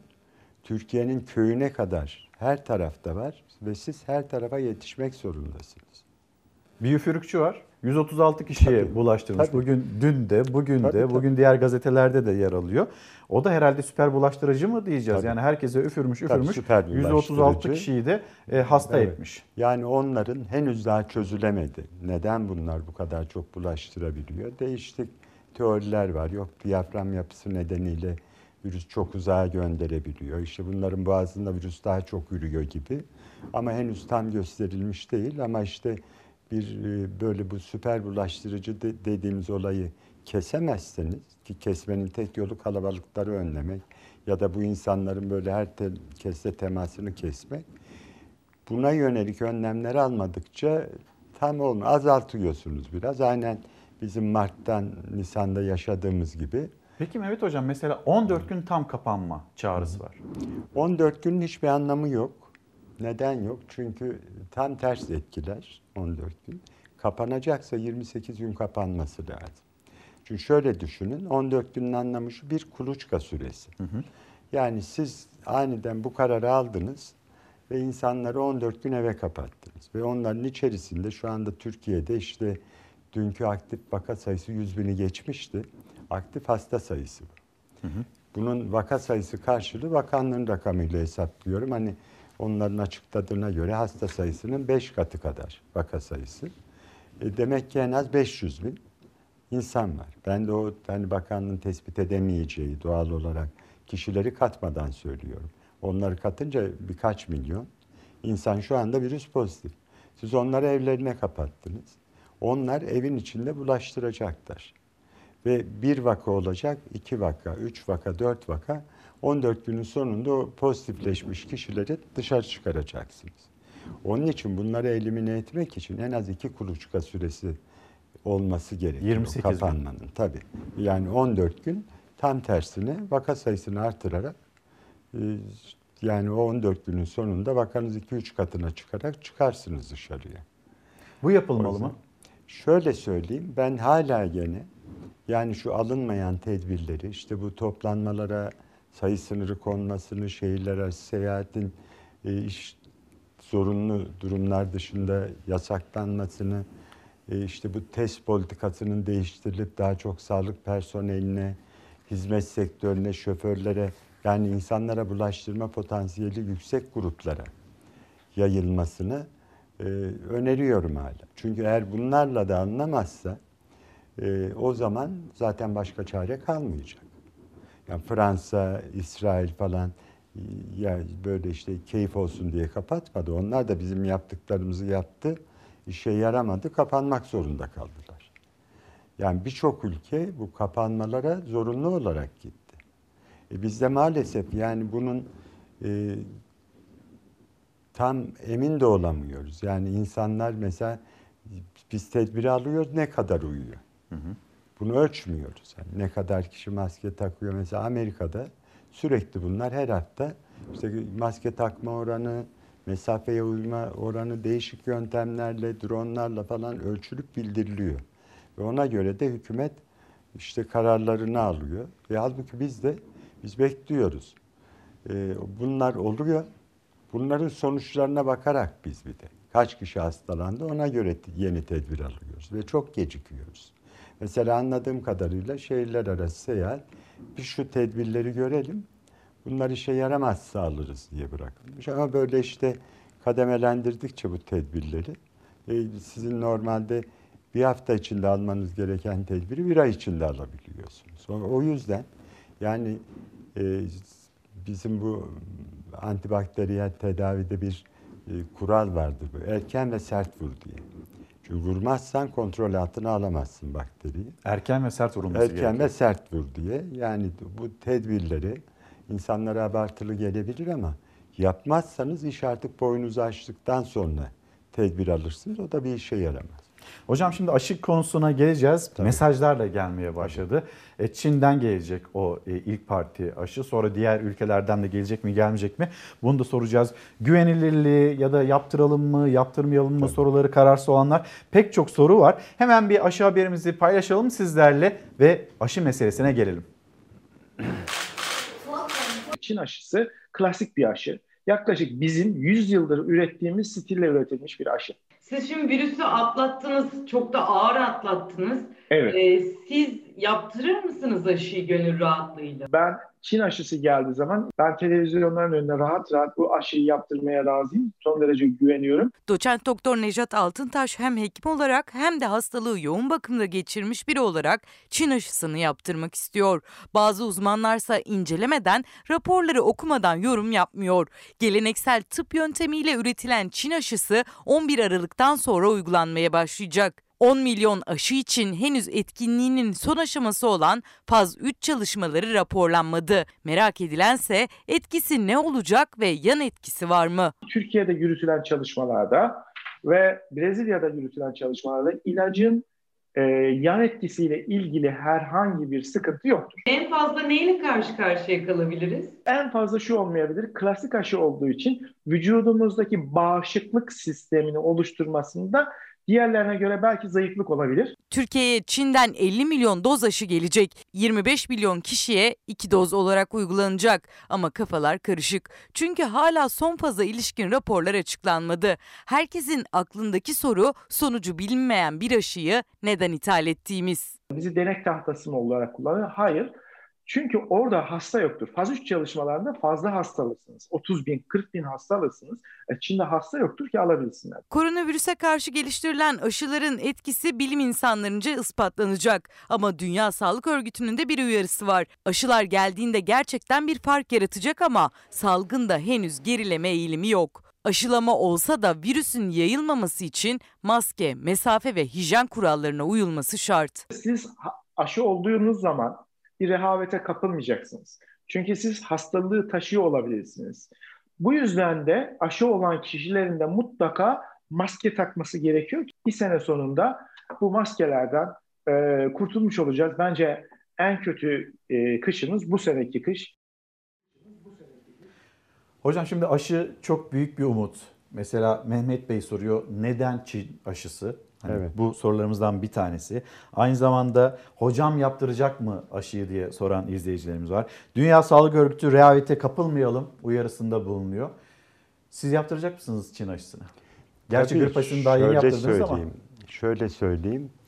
Hiçbir defa o şey önemli değil. Yani grip aşısıyla bu aynı anda bir gün, beş gün, bir ay arayla istediğiniz arayla yapılabilir. Çünkü o aralar daha çok iki canlı aşı için e, önemlidir. Bunlar canlı aşılar değil.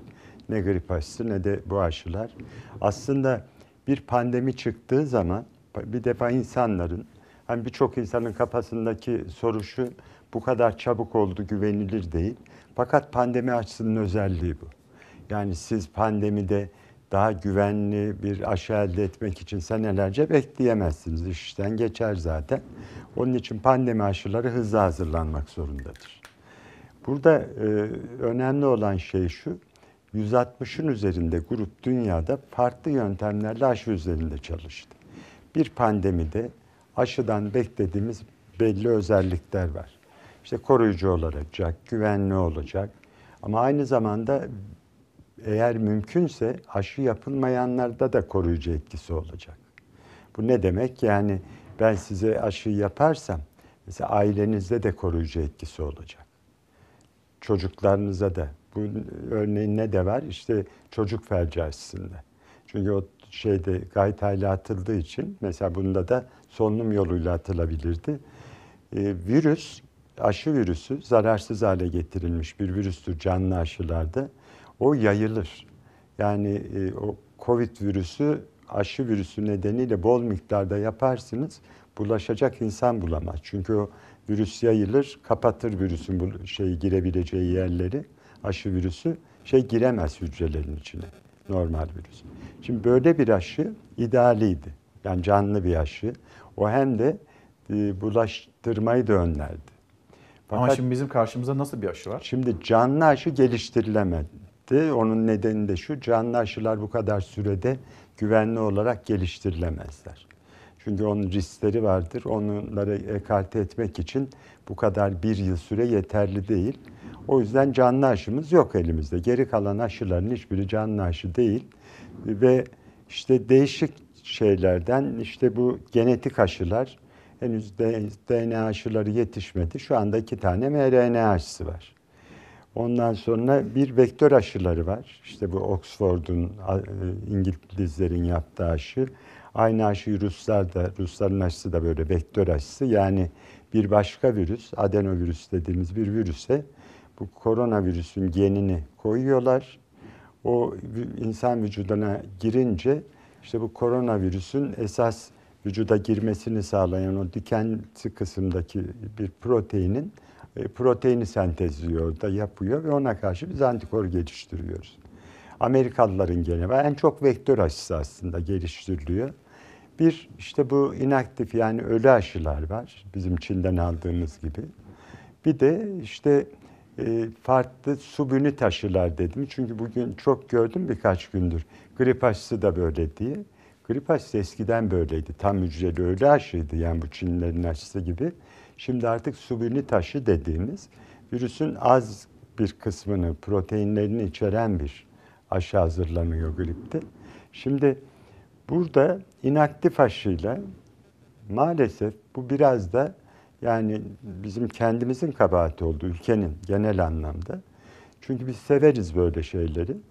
Hiç e, getirme ihtimalimiz var mı yok mu diye bakmadan özellikle işte Biontech'in sahipleri iki tane Türk bilim insanı diye biraz böyle duygusal yönden bakarak bunu bir milli dava haline getirerek o kadar çok tartıştık ki aşıyı. Kimse dönüp bakmadı. Ben diyordum yani bakın bunları konuşuyoruz da biz bu aşıyı getiremeyiz. Çünkü hem Zaten aşının, gelmiyor.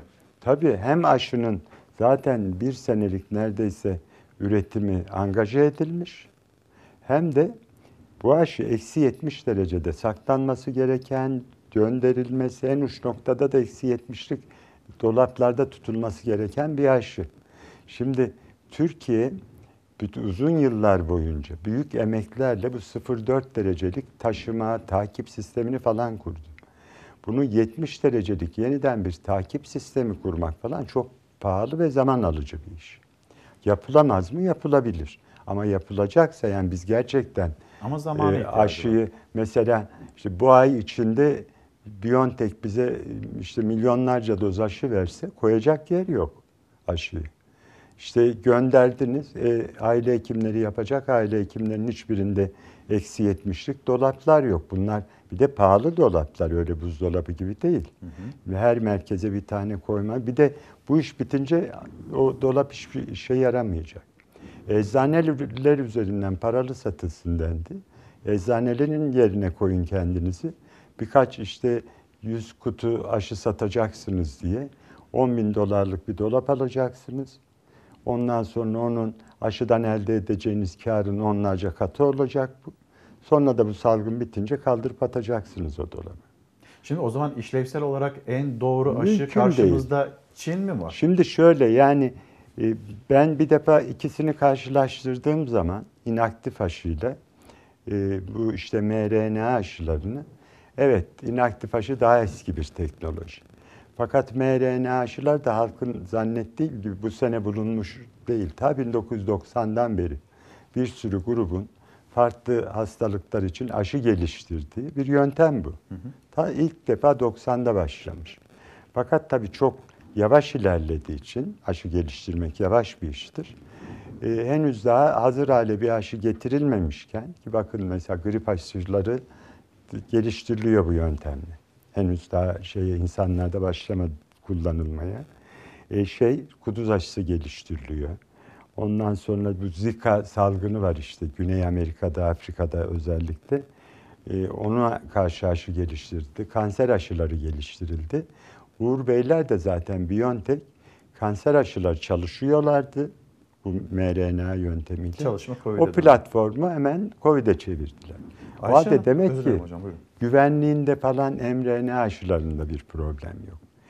Bir de İngilizce, Amerikalılar iki firmada bir ara rapor hazırladı. Dediler ki biz yüzde 95 etkili aşımız. Çin'in böyle bir açıklaması yok. Yani Çin PAZ-3 çalışmalarının sonuçlarıyla ilgili hiçbir açıklama yapmadı. Henüz. Ayşe Hanım da tam onu söylemiş. Evet. Üçüncü fazı tamamlamamış bir aşı Türkiye'de denenecek. Hocam ne kadar bunu sağlıklı bulur diyor. Tabii şöyle söyleyeyim.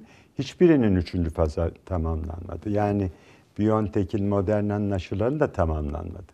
Ama Amerika ile Çin'in bilimsel sistemi farklı olduğu için e, işte Amerikalılar bir ara rapor yayınladı. Çinlilerde böyle bir sistem yok. Çünkü Amerika'da böyle bir e, çalışma olunca kitlesel bir aşı çalışması FDA dediğimiz Amerika'nın ruhsat kurumu bir bağımsız denetleme kurulu atıyor. Ve o kurulun yetkisinde, o kurul durumun aciliyetine bakarak şifreyi kırıyor. Kim aşağı almış, kim işte boş aşağı almış. Ve arada çağırıyor firmalar. Bakın diyor bu ara sonuç böyle. Firma da açıklayabiliyor onu. Ama Çin'in böyle e, bilimsel yapısında böyle bir sistem olmadığı için Çinliler çalışmanın bitmesini bekliyorlardı. E o zaman biz yan etkisi var mı yok mu bilmiyoruz. Yan etkisini biliyoruz. Yani 40-50 bin kişi de o çıkınca zaten hemen rapor ediliyor da. Yani güvenlikle ilgili bir sıkıntımız yok. Şu anda beklediğimiz şey Çinlilerin bu aşının ara sonuçta olsa yüzde kaç etkili olduğunu açıklaması. Henüz böyle bir veri yok, bilgi yok. Bu geçen hafta e, BBC'de e, bu Sinovac'ın yani Çin firmasının CEO'suna soruldu. En tepesindeki insana. O da dedik biz ayın 11'inde kodları açacağız ve kim aşı olmuş, kim işte e, şey e, boş aşı olmuş ön sonuçları açıklayacağız dedi. Şimdi hepimiz onu bekliyoruz. Ee, şimdi e, yan etkilerinin ne olduğunu biliyoruz. %60 oranında bir koruyuculuktan bahsediliyor mesela Çin aşısı için ama diğer işte e, ne bileyim BioNTech'in yaptığı Mümkün değil. değerlendirmeyle. Tabii onlar %95 dedi ama %95 Çin diyor. aşısı için %60 diye bir rakam da açıklanmadı. Henüz hiçbir rakam açıklanmadı. Açık söyleyeyim ben mesela Ruslarda işte BioNTech Pfizer %90 etkili dedi aşımız. Bir gün sonra Ruslar çıktı dedi bizimki %92. Yani böyle bu kadar gayri ciddi olmaz bu iş zaten. Peki hocam yine e, izleyicilerimiz soruyor. Bu sürecin en güvenilir isimlerinden birisi Mehmet Evet. Hocam. Lütfen sorar mısınız? Çin aşısını Mehmet Hoca yaptıracak mı? Tabii. Neden biliyor musunuz? Şimdi bir defa şunu aklımızdan çıkaralım. Bizim bir seçeneğimiz olmayacak. Yani bizim önümüze bir Çin aşısı, bir işte e, BioNTech Pfizer aşısı, bir işte Moderna aşısı konulup da hangisini istiyorsun diye sorulmayacak. Türkiye'de en azından belli bir süre sadece bu aşı olacak. Ve siz de yaptıracaksınız. Tabii. Bakın bir defa aşıyı şöyle yaptırmamız lazım. Diyelim ki hani beklediğimiz kadar işte BioNTech, Pfizer'in, Moderna'nın kadar %95 değil. Hocam çok özür dilerim. Eğer İlker bu biraz uzun bunu öyle düzgün bir şekilde anlatalım diyorsanız bir reklamlara gidelim öyle devam Tabii, edelim. olur. Tamam. Ee, o zaman hemen bir hızlı bir şekilde reklamlara gidelim. Döndüğümüzde neden bu aşıyı yaptırmalıyız ve Mehmet Hoca neden bu aşıyı yaptıracak? Bu arada işte hamileler bu aşıyı yaptırabilir mi? Çocuklar bu aşıyı yaptırabilir mi? Sizlerden gelen mesajlar var. O mesajları da reklam arasında ben toplayayım ve hocama yönelteyim. Bir mola dönüşte buluşalım. Efendim Çalar Saat hafta sonu devam ediyor. Enfeksiyon Hastalıkları Derneği Başkanı Profesör Doktor Mehmet Ceyhan yanımızda. Bu aşıyı yaptıracak mı kendisi? Yaptıracaksa neden yaptıracak? Tam orada kalmıştık hocam. Evet. Siz ben bu aşıyı yaptıracağım dediniz. Tabii. Neden yaptırmamız gerektiğini tam sıralıyordunuz orada kalmış. Tabii. Şimdi bir defa e, şunu bilelim ki en azından belli bir süre e, bizim bu Çin'den gelen inaktif aşının dışında bir aşımız olmayacak. Yani bu söylenen laflar ben hayretle izliyorum böyle Ocak'ta gel şu kadar gelecek falan. Yarın bize e, BioNTech Pfizer diyelim ki 10 milyon doz aşı gönderdi. Nereye koyacağız? Nasıl göndereceğiz? Nerede uygulayacağız? Henüz ne hazırlık var ne plan var. Altyapısı yok zaten. Saklama koşullarımız Ve yeterli değil. Tabii yani sadece ya sadece biz değil birçok ülke zorlanıyor zaten yani e, o yüzden de zaten yani beklendiği kadar e, çok fazla böyle ülkeler talep etmedi. Çünkü kimse alacak adamın koyacağı yer yok aşı uygulayacak e, yeri müsait değil. Dolayısıyla e, onu unutalım. Yani bir defa elimizde bizim bir süre tek seçeneğimiz olacak. Çin'den gelecek inaktif aşı. Bunu aslında böyle ortaya koymadığımız zaman sanki insanlar işte sonra öbürü de gelecek, başka da gelecek gibi düşününce şunu düşünüyorlar. İşte ya ben bekleyeyim bir belki onlar gelir o zaman yaptırayım. Bu son derece yanlış bir davranış olur. Onlar gelmeyecek. Gelmeyecek bir. ikincisi diyelim ki biz bir grubu aşıladık bugün. Yani işte ocağın başında gibi görünüyor e, aşı uygulaması. Ocağın başında diyelim ki biz bir e, işte 10 milyon kişi aşıladık. Sonra 10 milyon kişi bekledi. Dedi ki ya ben işte bekleyeyim öbür aşılar gelsin. Diyelim ki işte 6 ay sonra diğer aşılar geldi ve ondan oldu.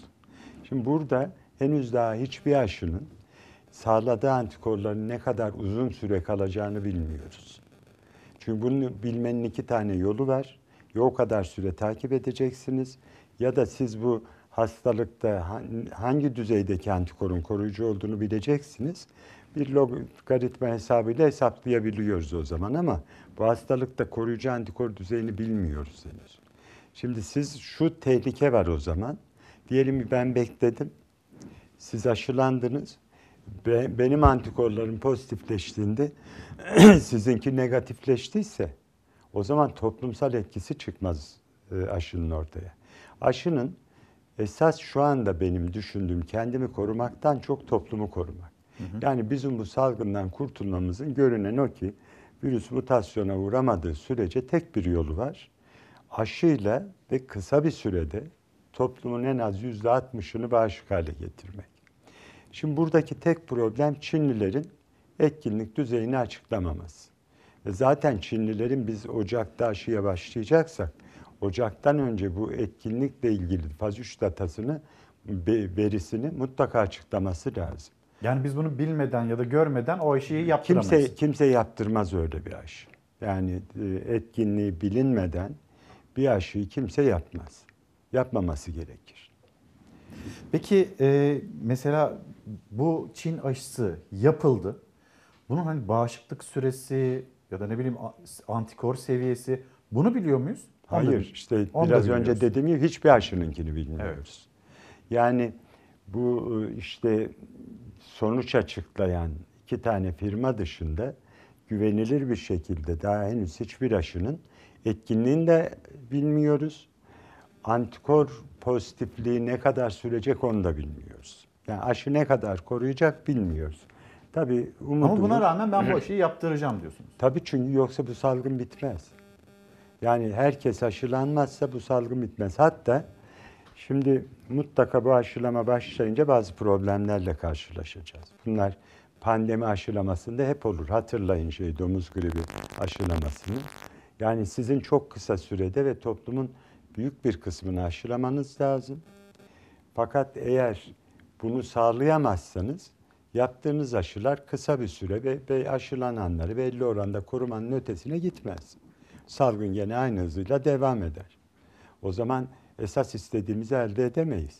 Şimdi buradaki problem şu, biz bir miktar aşı kararsızlığıyla karşılaşacağız. Evet. Şimdi bunu insanlar yanlış anlıyor. Mesela bu bir zorunluluk olması gerekir mi? Zorunlu mu bu aşı? Zorunlu aşı hayır. Yani şu anda Türkiye'nin tarihinde tek zorunlu aşı uygulaması çiçek, çiçek için Ummi Sağ Kanun'da konmuş böyle bir madde. Çiçeği yok etmek için. Onun dışında Türkiye tarihinde zorunlu aşı uygulaması yok. İnsanlar onu kötü niyette bazen söylüyorlar. Öyle bir şey yok. Ama salgında devletin yetkisi vardır. Bir e, aşılamayı zorunlu hale getirebilir. O ayrı bir konu. Ama şu andaki uygulamada böyle bir şey yok. Şimdi burada tabii e, sorun şu. Eğer büyük bir oranda aşı kararsızlığıyla karşılaşırsak istediğimiz sonucu elde edemeyiz. Bunun için insanların yani çoğu bu insanların aşıya kararsız olanların çoğu aşı karşıtı değiller bunlar. Bilmek istiyorlar. Çünkü aşı, öğrenmek istiyorlar. aşı karşıtını ben size söyleyeyim. İnsanların böyle zannettiği kadar fazla değil Türkiye'de. Yani aşı reddedenlerin oranını şöyle düşünün. Bunlar çocukluk aşılarına da sürekli işte yalanlarla, iftiralarla saldıran bir grup var. Ee, ama onlara rağmen Türkiye yüzde 98 oranında çocukları aşılayabiliyor. Yine sorulmuş Hı-hı. çocuklara bu aşı yapılacak ha, mı? Kesinlikle hayır şu anda. Çünkü bu bir tıbbi ahlak yani tıbbi etik kuraldır bu. Biz çocuğa aşı ya da ilaç herhangi faz bir şeyi... çalışmasından sonra. Tabii. Herhangi bir şeyi yapacaksanız önce yetişkinde faz 3 bitecek. Hatta işte bu faz 4'lü de bir süre gözleyeceksiniz. Emin olacaksınız iyice o üründen. Ondan sonra çocuk çalışmaları yapılabilir. O halde demek ki daha çocuk çalışmaları başlamadı bile. Bu başlayıp belli veriler elde edildiğinden sonra çocuklar aşılanabilir. Zaten o da bir sorun. Çünkü e, biz hani ben mesela yüzde 70-80 etkili bir aşı düşünüyorum. Yüzde 60 koruyuculuk oranı sağlamak için yüzde 80'ini 75-80'ini aşılamak lazım Türkiye'nin. Türkiye'nin nüfusunun yüzde yirmisi çocuk zaten. Onlar zaten aşılayamayacağız. O halde demek ki yetişkinlerde aşılanmayan sayısının çok az olması lazım. Diyor ki izleyicimiz aşı oldum. Bu virüsü bir daha almıyor muyum? Ya da aşıya rağmen aldım etrafımı bulaştırmaya devam ediyor muyum? Evet. Çok güzel bir soru. Çünkü bu çok e, insanların kafasında olan bir problem. Şimdi aşı sizi koruyor. Yani virüs alıyorsunuz. İşte yüzde kaçsa koruma oranı, o oranda hastalığa yakalanmıyorsunuz. Ancak e, dediğim gibi pandemi aşılarından beklenen en önemli özelliklerden biri de alıp sizin başkasına bulaştırmanızı engellemesi gerekir. Maalesef öyle bir aşı üzerinde bile çalışılmadı. Yani çünkü durum çok aceleydi. O daha fazla süre gerektiriyor. Şimdi e, şu ana kadar bu işte geliştirilen aşılarda böyle bir veri yok. Yani böyle bir çalışma yapılmadı. Ama bana şahsi fikrimi, deneyimlerimi sorarsanız ben böyle bir e, önemli bir koruyucu özellik olacağını tahmin etmiyorum. Hiçbir aşıda. Şu anda gündemde olan hiçbir aşıda. Dolayısıyla aşılananlar da Yani ben aşımı yaptırdım rahatım artık yok şey. denilemeyecek. Tabii.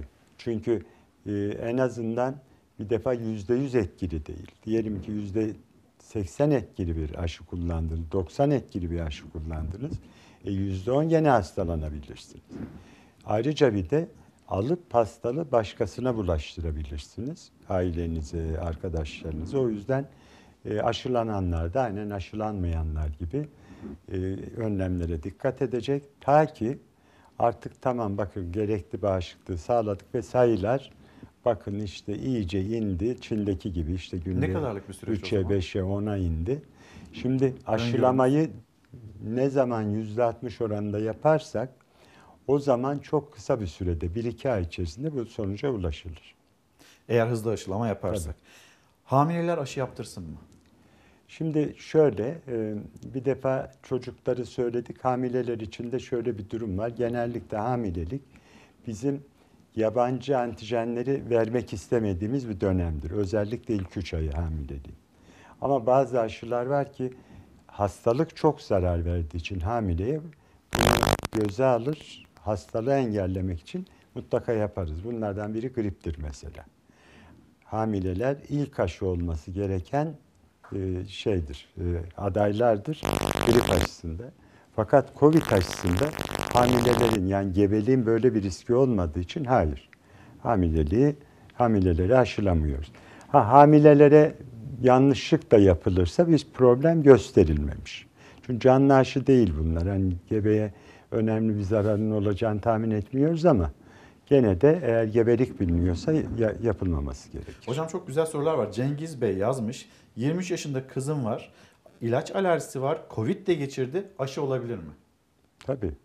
İlaç alerjisiyle aşının bilgisi yok. Yeter ki şeyle e, aşının içerisindeki herhangi bir maddeye o da alerji deyince insanlar yanlış anlıyor. İlaçta da öyle. Biz çok görürüz. İşte bunun alerjisi var. Bu antibiyotiği yapmayın, bu aşıyı yapmayın diye. Mesela yumurta alerjisi, grip aşısı yumurtadan üretildiği için. işte yapmayın da bizim bahsettiğimiz alerji o değil. Onun bir zararı yok ki. Biraz döküntü olur sadece. Can Bey yazmış. Ağır Karaciğer al- nakli. şey şoka sokacak kadar alerji varsa yapılmaz o kadar. Ya, eğer şoka sokacak seviyedeyse o zaman yapılmaz. Can Bey yazmış. Karaciğer nakli hastasıyım. Bu aşıyı yaptırmalı mıyım? O mutlaka yaptırması gereken grupta zaten. Kronik hastayım. Olacak mıyım? Tabii. Kalp hastasıyım. Olacak mıyım? Yani Tabii. bununla ilgili bayağı da Şimdi mesaj şöyle geliyor. söyleyeyim hani bu çok konuşulduğu için ben çok üzerinde durmadım ama çok kısaca e, özetleyelim. 65 yaşın üstü herhangi bir kronik hastalığı olanlar ki bunlar işte daha çok kronik kalp hastalığı, işte koroner hastalık dahil, kontrolsüz hipertansiyon, kronik akciğer hastalığı, diyabet, şeker hastalığı özellikle tip 2 diyabet yani erişkinlerde görülen tipi. Çünkü damar komplikasyonlar da onlarda fazla. Kronik böbrek hastalığı, işte bu nakil olan ve özellikle bağışıklık baskılayıcı ilaç kullananlar, kanser hastaları, e, özellikle işte gene bunun tedavisinde bağışıklığı baskılayıcı ilaçların kullanıldığı dönemde bunlar özellikle aşılanması gereken grup. Zaten bu bakanlığın hazırladığı önceliklendirmede de ilk başta 65 yaşın üstü var. Sonra 50-65 yaş arası kronik hastalığı olanlar var. Sonra 50 yaşın altında 18-50 yaş arası kronik hastalığı olanlar var. En son genel herkese açık yapılacak. Ürküten tablo gerçeğin yüzde kırkı herhalde. Bu tabloyu e, ciddiye alan pek yok demiş. Aslında bu açıklanan e, Sağlık Bakanlığı'nın açıkladığı e, tablo ile ilgili bir soru. Hocaya sorar mısınız Çin aşısı Çin'de uygulanıyor mu? Oradaki Tabii. sonuçları nedir? Şöyle söyleyeyim, Çin'de 1 milyon kişiyi geçti. Bu aşıyı işte e, kamuda çalışan devlet memurlarına zorunlu hale getirdi. Çin. Çin farklı bir ülke. Evet. Yani Çin'de yapılanı Türkiye ile başka bir demokratik ülkeyle falan karşılaştırmak mümkün değil. Fakat Çin'de sonuç veremiyorlar. Çünkü Çin'de hastalık çok az. Çünkü bakmanız gereken nedir? Bir gruba aşı verdiniz, bir gruba vermediniz. Aşı olanlar ne kadar hastalığa yakalandı, olmayanlar ne kadar yakalandı. E şimdi Çin'de hastalık olmadığı için adam Çin'dekiyle bir şeye bakamıyor. Oradaki direkt böyle bir uygulama. Yani normalde olmaması gereken bir şey. Ama faz 3 çalışmaları 3 ülkede yapılıyor bu Çin aşısının. Brezilya, Türkiye ve Endonezya'da yapılıyor. Henüz hiçbirinin e, faz 3 çalışmalarıyla ilgili bir veri yok. Ama akıllarına şu gelmez, yani Çin'de yapmıyorlar. Ben, hayır, Çin'de 1 milyondan fazla kişiye yapıldı. Kemal Doğan Bey yazmış. Benim tansiyon, şeker, karaciğer rahatsızlığım var. Ne yapayım? Hem zaten o e, ilk gruplardadır. Hemen aşı gelince aşılanacak. Umut Bey göndermiş. Mehmet Hoca yine geçtiğimiz aylarda sizin programınızda konuşmuştu. Dünyada hiçbir salgın aşıyla önlenememiştir demişti. Şu anda da aşı olma gerekliliğini söylüyor. Hani bir şey mi değişti düşüncelerinde demek Hayır. Şimdi dünyada şimdiye kadar olan salgınlar e, aşıyla pandemi de demişimdir. Yani pandemi önlenememiz çünkü salgın çok önlendi. Evet. E, çünkü hep mutasyonla iki seneye kalmadan bitti. Birçok salgında mesela aşı hazırlandı. SARS'ta öyle oldu. Ebola'da oldu. E, hatta o Ebola nedeniyle şu anda eksi 70'lik altyapısı olan 3 tane ülke var. Üçü de Afrika ülkesi yani işte Gana ve iki ülke daha. Çünkü onlara bu Ebola için o altyapı kuruldu fakat aşı yapılmadan salgın bitti. Şu anda henüz mutasyon gerçekleşmediği için ve mutasyonun bir garantisi olmadığı için şu anda aşıyla bitirmeye çalışmak zorundayız. Yani bunun nedeni daha önce aşı zaten hazırlanıp uygulanana kadar mutasyonla salgınlar bitti onun için. Yoksa mesela çocuk felci salgını var. O bir tabi salgın denmiyor ona çünkü gayta yoluyla bulaşan bir hastalık. Fakat o 60'lı yıllarda işte ben onun için dedim. 60'lı yıllarda o çocuk felci aşısı yeni çıkmış herkes tereddütte yaptırayım mı yaptırmayayım mı diye. İlk başta işte önce devlet idarecileri. O zaman ne internet var ne bu kadar böyle televizyon o zaman, yaygın. Şimdi idarecilerin de ön ayak olması tabii, gerekiyor. Tabii tabii ben hep onu söylüyorum. Yani insanların güvendiği kişilerin, halkın güvendiği kişilerin bu yaptırıyorsa demek ki bu iş doğrudur diyebileceği herkesin. İşte devlet yöneticileri, şeyleri mesela o 1960'da Elvis Presley, Doris Day sanatçılar yani sporcular, ondan sonra mesela Oradaki cemaatlerin liderleri mesela yapıldı Amerika'da. E, Türkiye'de artık iş bu raddeye geldikten sonra onların da kullanılması lazım. Yani orada öyle tutup e, işte aşı olmayın falan diyenler var. Bunlar büyük sorumluluk. Önce onları aşılayacaksınız. Ve bunu basın önünde yapacaksın. Çok etkili oluyor. Toplumda en etkili yöntemdir olacak. bu. Tabii. En etkili yöntemdir bu. Bu da güzel bir soru. Ee, emziren anneler yaptırsın mı aşıyı? Tabii. Hiçbir sakıncası yok. Emziren annelerle ilgili tek problem favipiravir. Yani ilaç kullandığımız ilaçlardan birini vermiyoruz. Gebe ya da işte emziren annelere.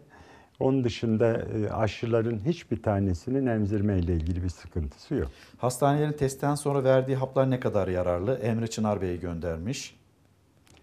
Ha, şeyin yani kullanılan tedaviler. Evet. Şimdi bu tabii çok tartışılan bir konu. Çünkü gerçekten ilk başta Çin'de bu hastalık başladığı zaman işte Çin'e güvensizliğin nedenlerinden biri de o.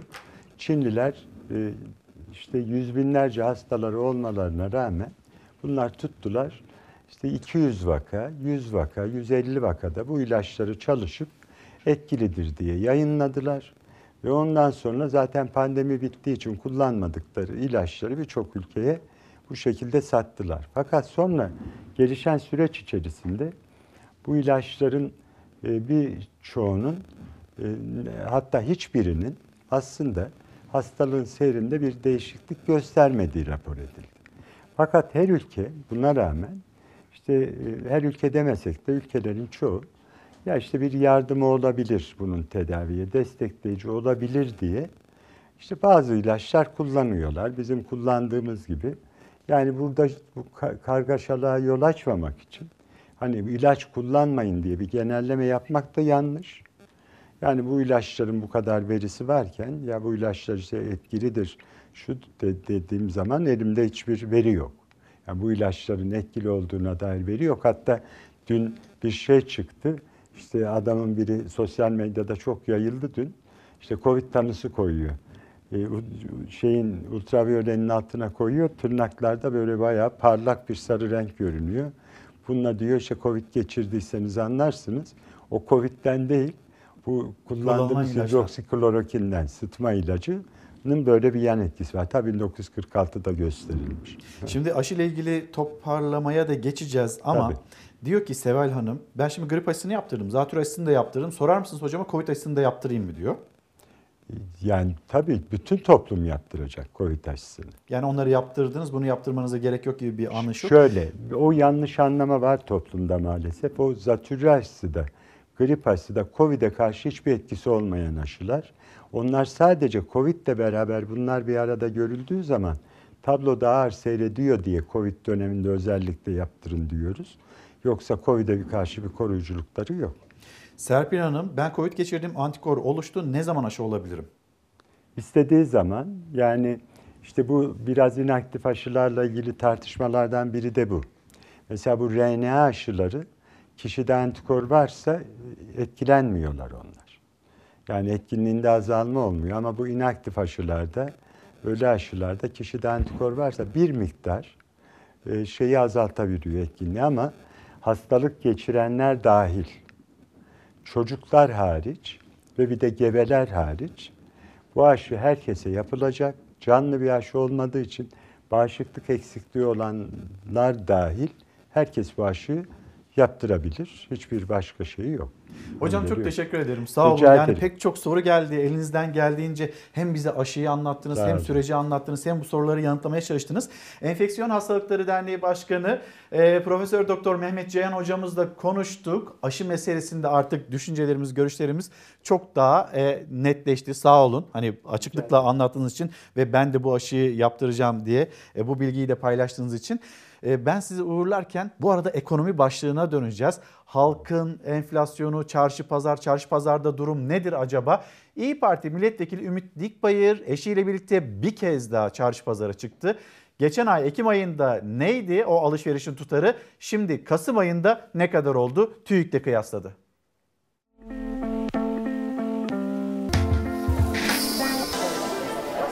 Sağ olun siz nasılsınız? Çok teşekkür ederim. Hayırlı işler kolay gelsin. Türkiye İstatistik Kurumu Kasım ayında enflasyonun %2,3 oranında arttığını açıkladı. Ama vatandaşın enflasyonu bunun 3 katı.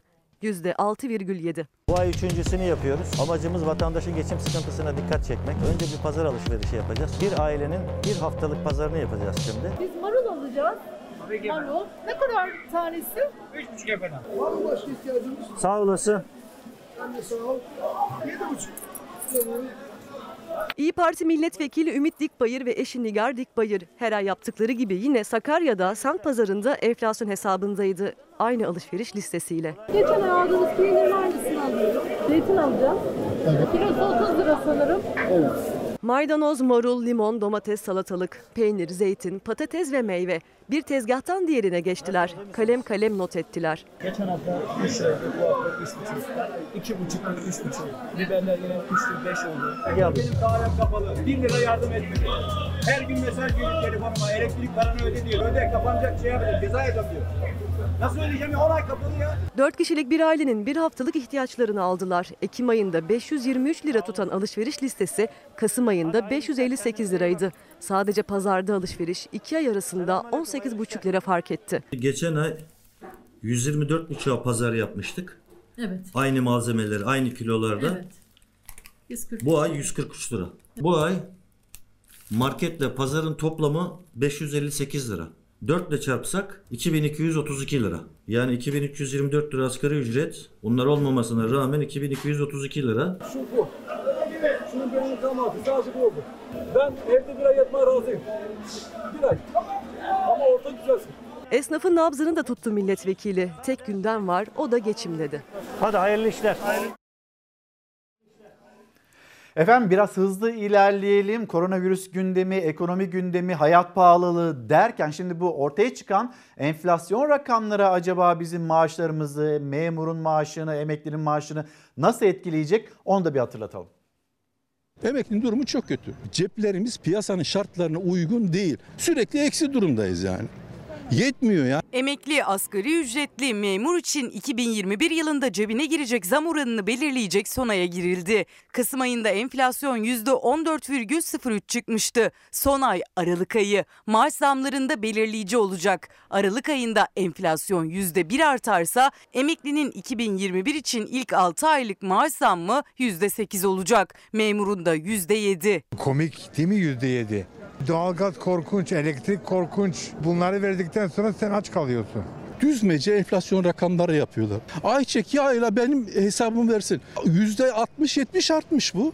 Genelde totalde baktığın zaman gerçekten yani enflasyon oranı yüzde 70 kardeşim. Emeklinin memurun enflasyonu TÜİK'ten gelen enflasyonun kat kat üzerinde. Ama maaşlara gelecek zamlar hesaplanırken 2020 yılının son 6 ayındaki açıklanan resmi enflasyon oranı baz alınacak. Son 5 aylık dönemde TÜFE %7,03. Zam sürecinde belirleyici olan Aralık ayı enflasyonu. Tabi eğer eksi gelmezse. 180 lira falan bir şey aldık, zam aldık. Onu arttıkları zaman domatesin kilosu 2,5 liraydı. Bugün 10 lira domatesin kilosu.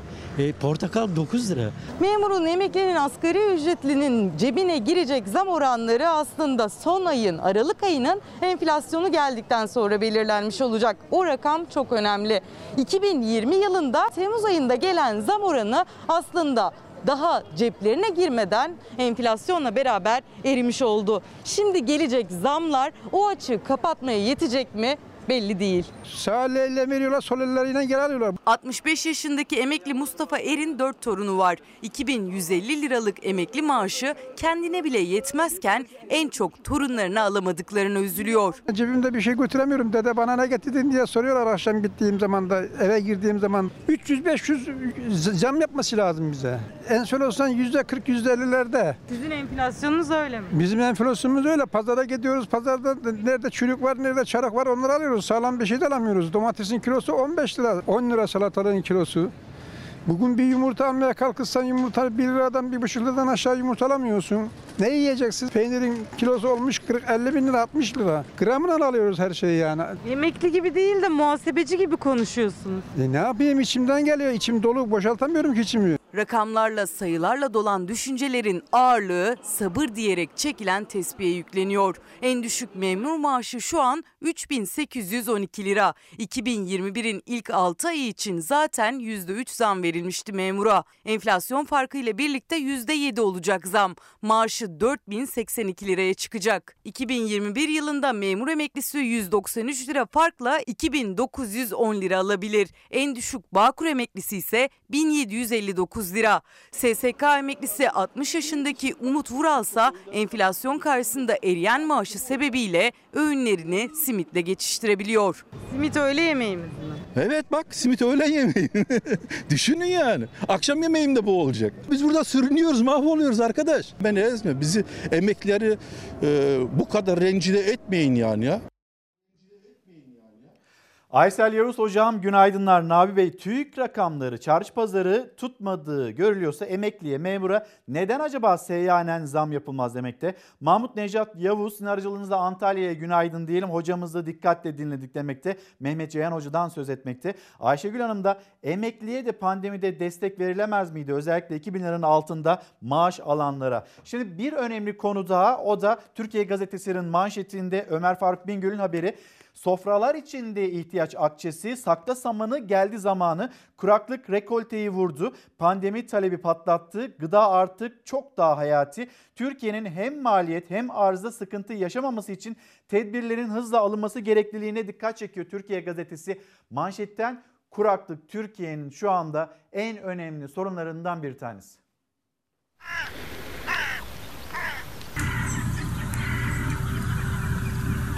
Geçtiğimiz haftaya kuraklık haberleri damga vurdu. Şehirlerden bir bir kuraklık haberleri geldi. İzmir'de Tunç Soyer uyardı. Öyle tumturaklı laflara gerek yok.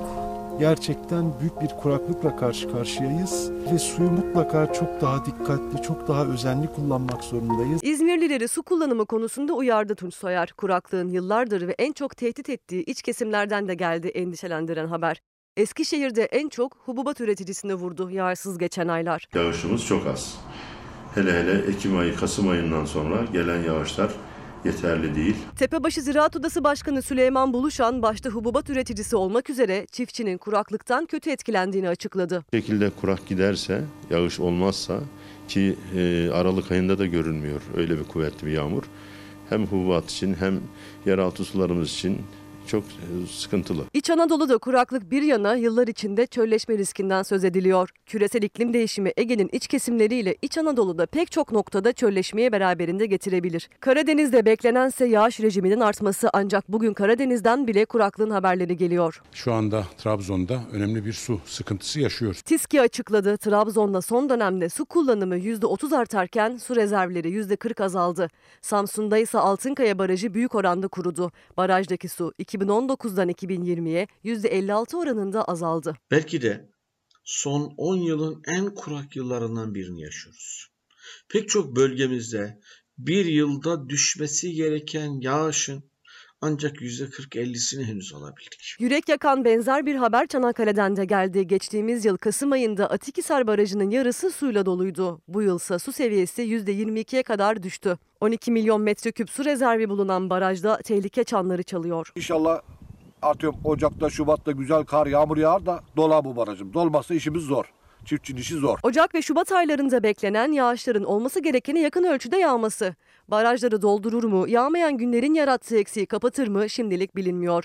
Ocak ve Şubat aylarıyla bahar yağmurlarını ilave olarak su kullanımında tasarrufa gitmekte fayda var. Meteoroloji Genel Müdürlüğü Ekim ayında yağış almayan bölgeleri bir haritayla yayınladı. Haritadaki koyu kahve bölgeler olağanüstü kurak bir Ekim ayı geçirdi. Kahverengi bölgeler çok şiddetli kurak, kırmızı ve turuncu bölgelerse şiddetli ve orta derecede kuraktı Ekim'de. Tarımsal üretimde sanayiye, evde kullanılan suya kadar tasarruf şart. Yönetenler tasarrufu destekleyen kararlar alır. Önümüzdeki aylarda beklenen yağışlar düşerse belki önümüzdeki yaz kuraklık daha büyük bir sorun olarak karşımıza çıkmaz. Ancak bugünden bakıldığında tablo karamsar. Ve şimdi de Fransa diyeceğiz. Macron karşıtı eylemler Fransa'da büyüyor. Bankalara saldırdılar, sokakları, caddeleri, araçları ateşe verdiler. Fransa'nın başkenti Paris'te küresel güvenlik yasa tasarısına karşı protestolar hiç olmadığı kadar şiddetlendi. Tartışmalara sebep olan güvenlik yasa tasarısı en büyük endişe tasarı yasalaşırsa basın özgürlüğünün ihlal edileceği üzerine yaşanıyor. Aylardır devam eden gösterilerde tansiyon giderek artıyor. Göstericiler tasarının geri çekilmesini istiyor, hükümet ise geri adım atmıyor. Paris dahil Fransa'da birçok noktada gösteriler düzenlendi. Barışçıl hava kısa sürede sona erdi. Polisin sert müdahalesine karşı göstericiler çöp kutularını ateşe verdi. Sokakları, caddeleri kapadı. Bankaların camları indirildi. Çok sayıda kişinin gözaltına alındığı açıklandı. Polis şiddetinin tırmandığı ülkede yasa tasarısı kişilerin görüntü alma hakkını elinden alıyor. Protestocular tasarı karşıtları bu durumun şiddeti daha da arttıracağını söylüyor. Efendim bir mola verip hemen döneceğiz. Efendim bir kez daha günaydın. Çalar Saat hafta sonuna nokta koyma vakti geldi. Elimizde kitaplar var onları da göstermek istiyorum. Kaya Erdem, Neden Başaramıyoruz Demokratik Bir Ülke? Berin Aral, Düz yokuşun sakinleri, gölgelere sığınan yaralarını kimseye göstermeyenlerin hikayeleri. Hayati Sönmez, Mavi Bozkır dedi bizimle paylaştığı kitapta. Aşkın Gözyaşları, Kalem Arkası Şems, Sinan Yağmur imzalı bir kitaptı. Bunları gösterdikten sonra kapatırken her zamanki gibi teşekkürümüz sizlere efendim. Bizi izlediğiniz için çok teşekkür ediyoruz. Bir manikeler olmazsa önümüzdeki hafta yine Çalar Saat hafta sonunda bizler karşınızda olacağız. Bizim, Türkiye'nin, dünyanın ve sizin gündeminizde kuşkusuz güzel bir gün olsun, sağlıklı bir gün olsun. Hoşçakalın.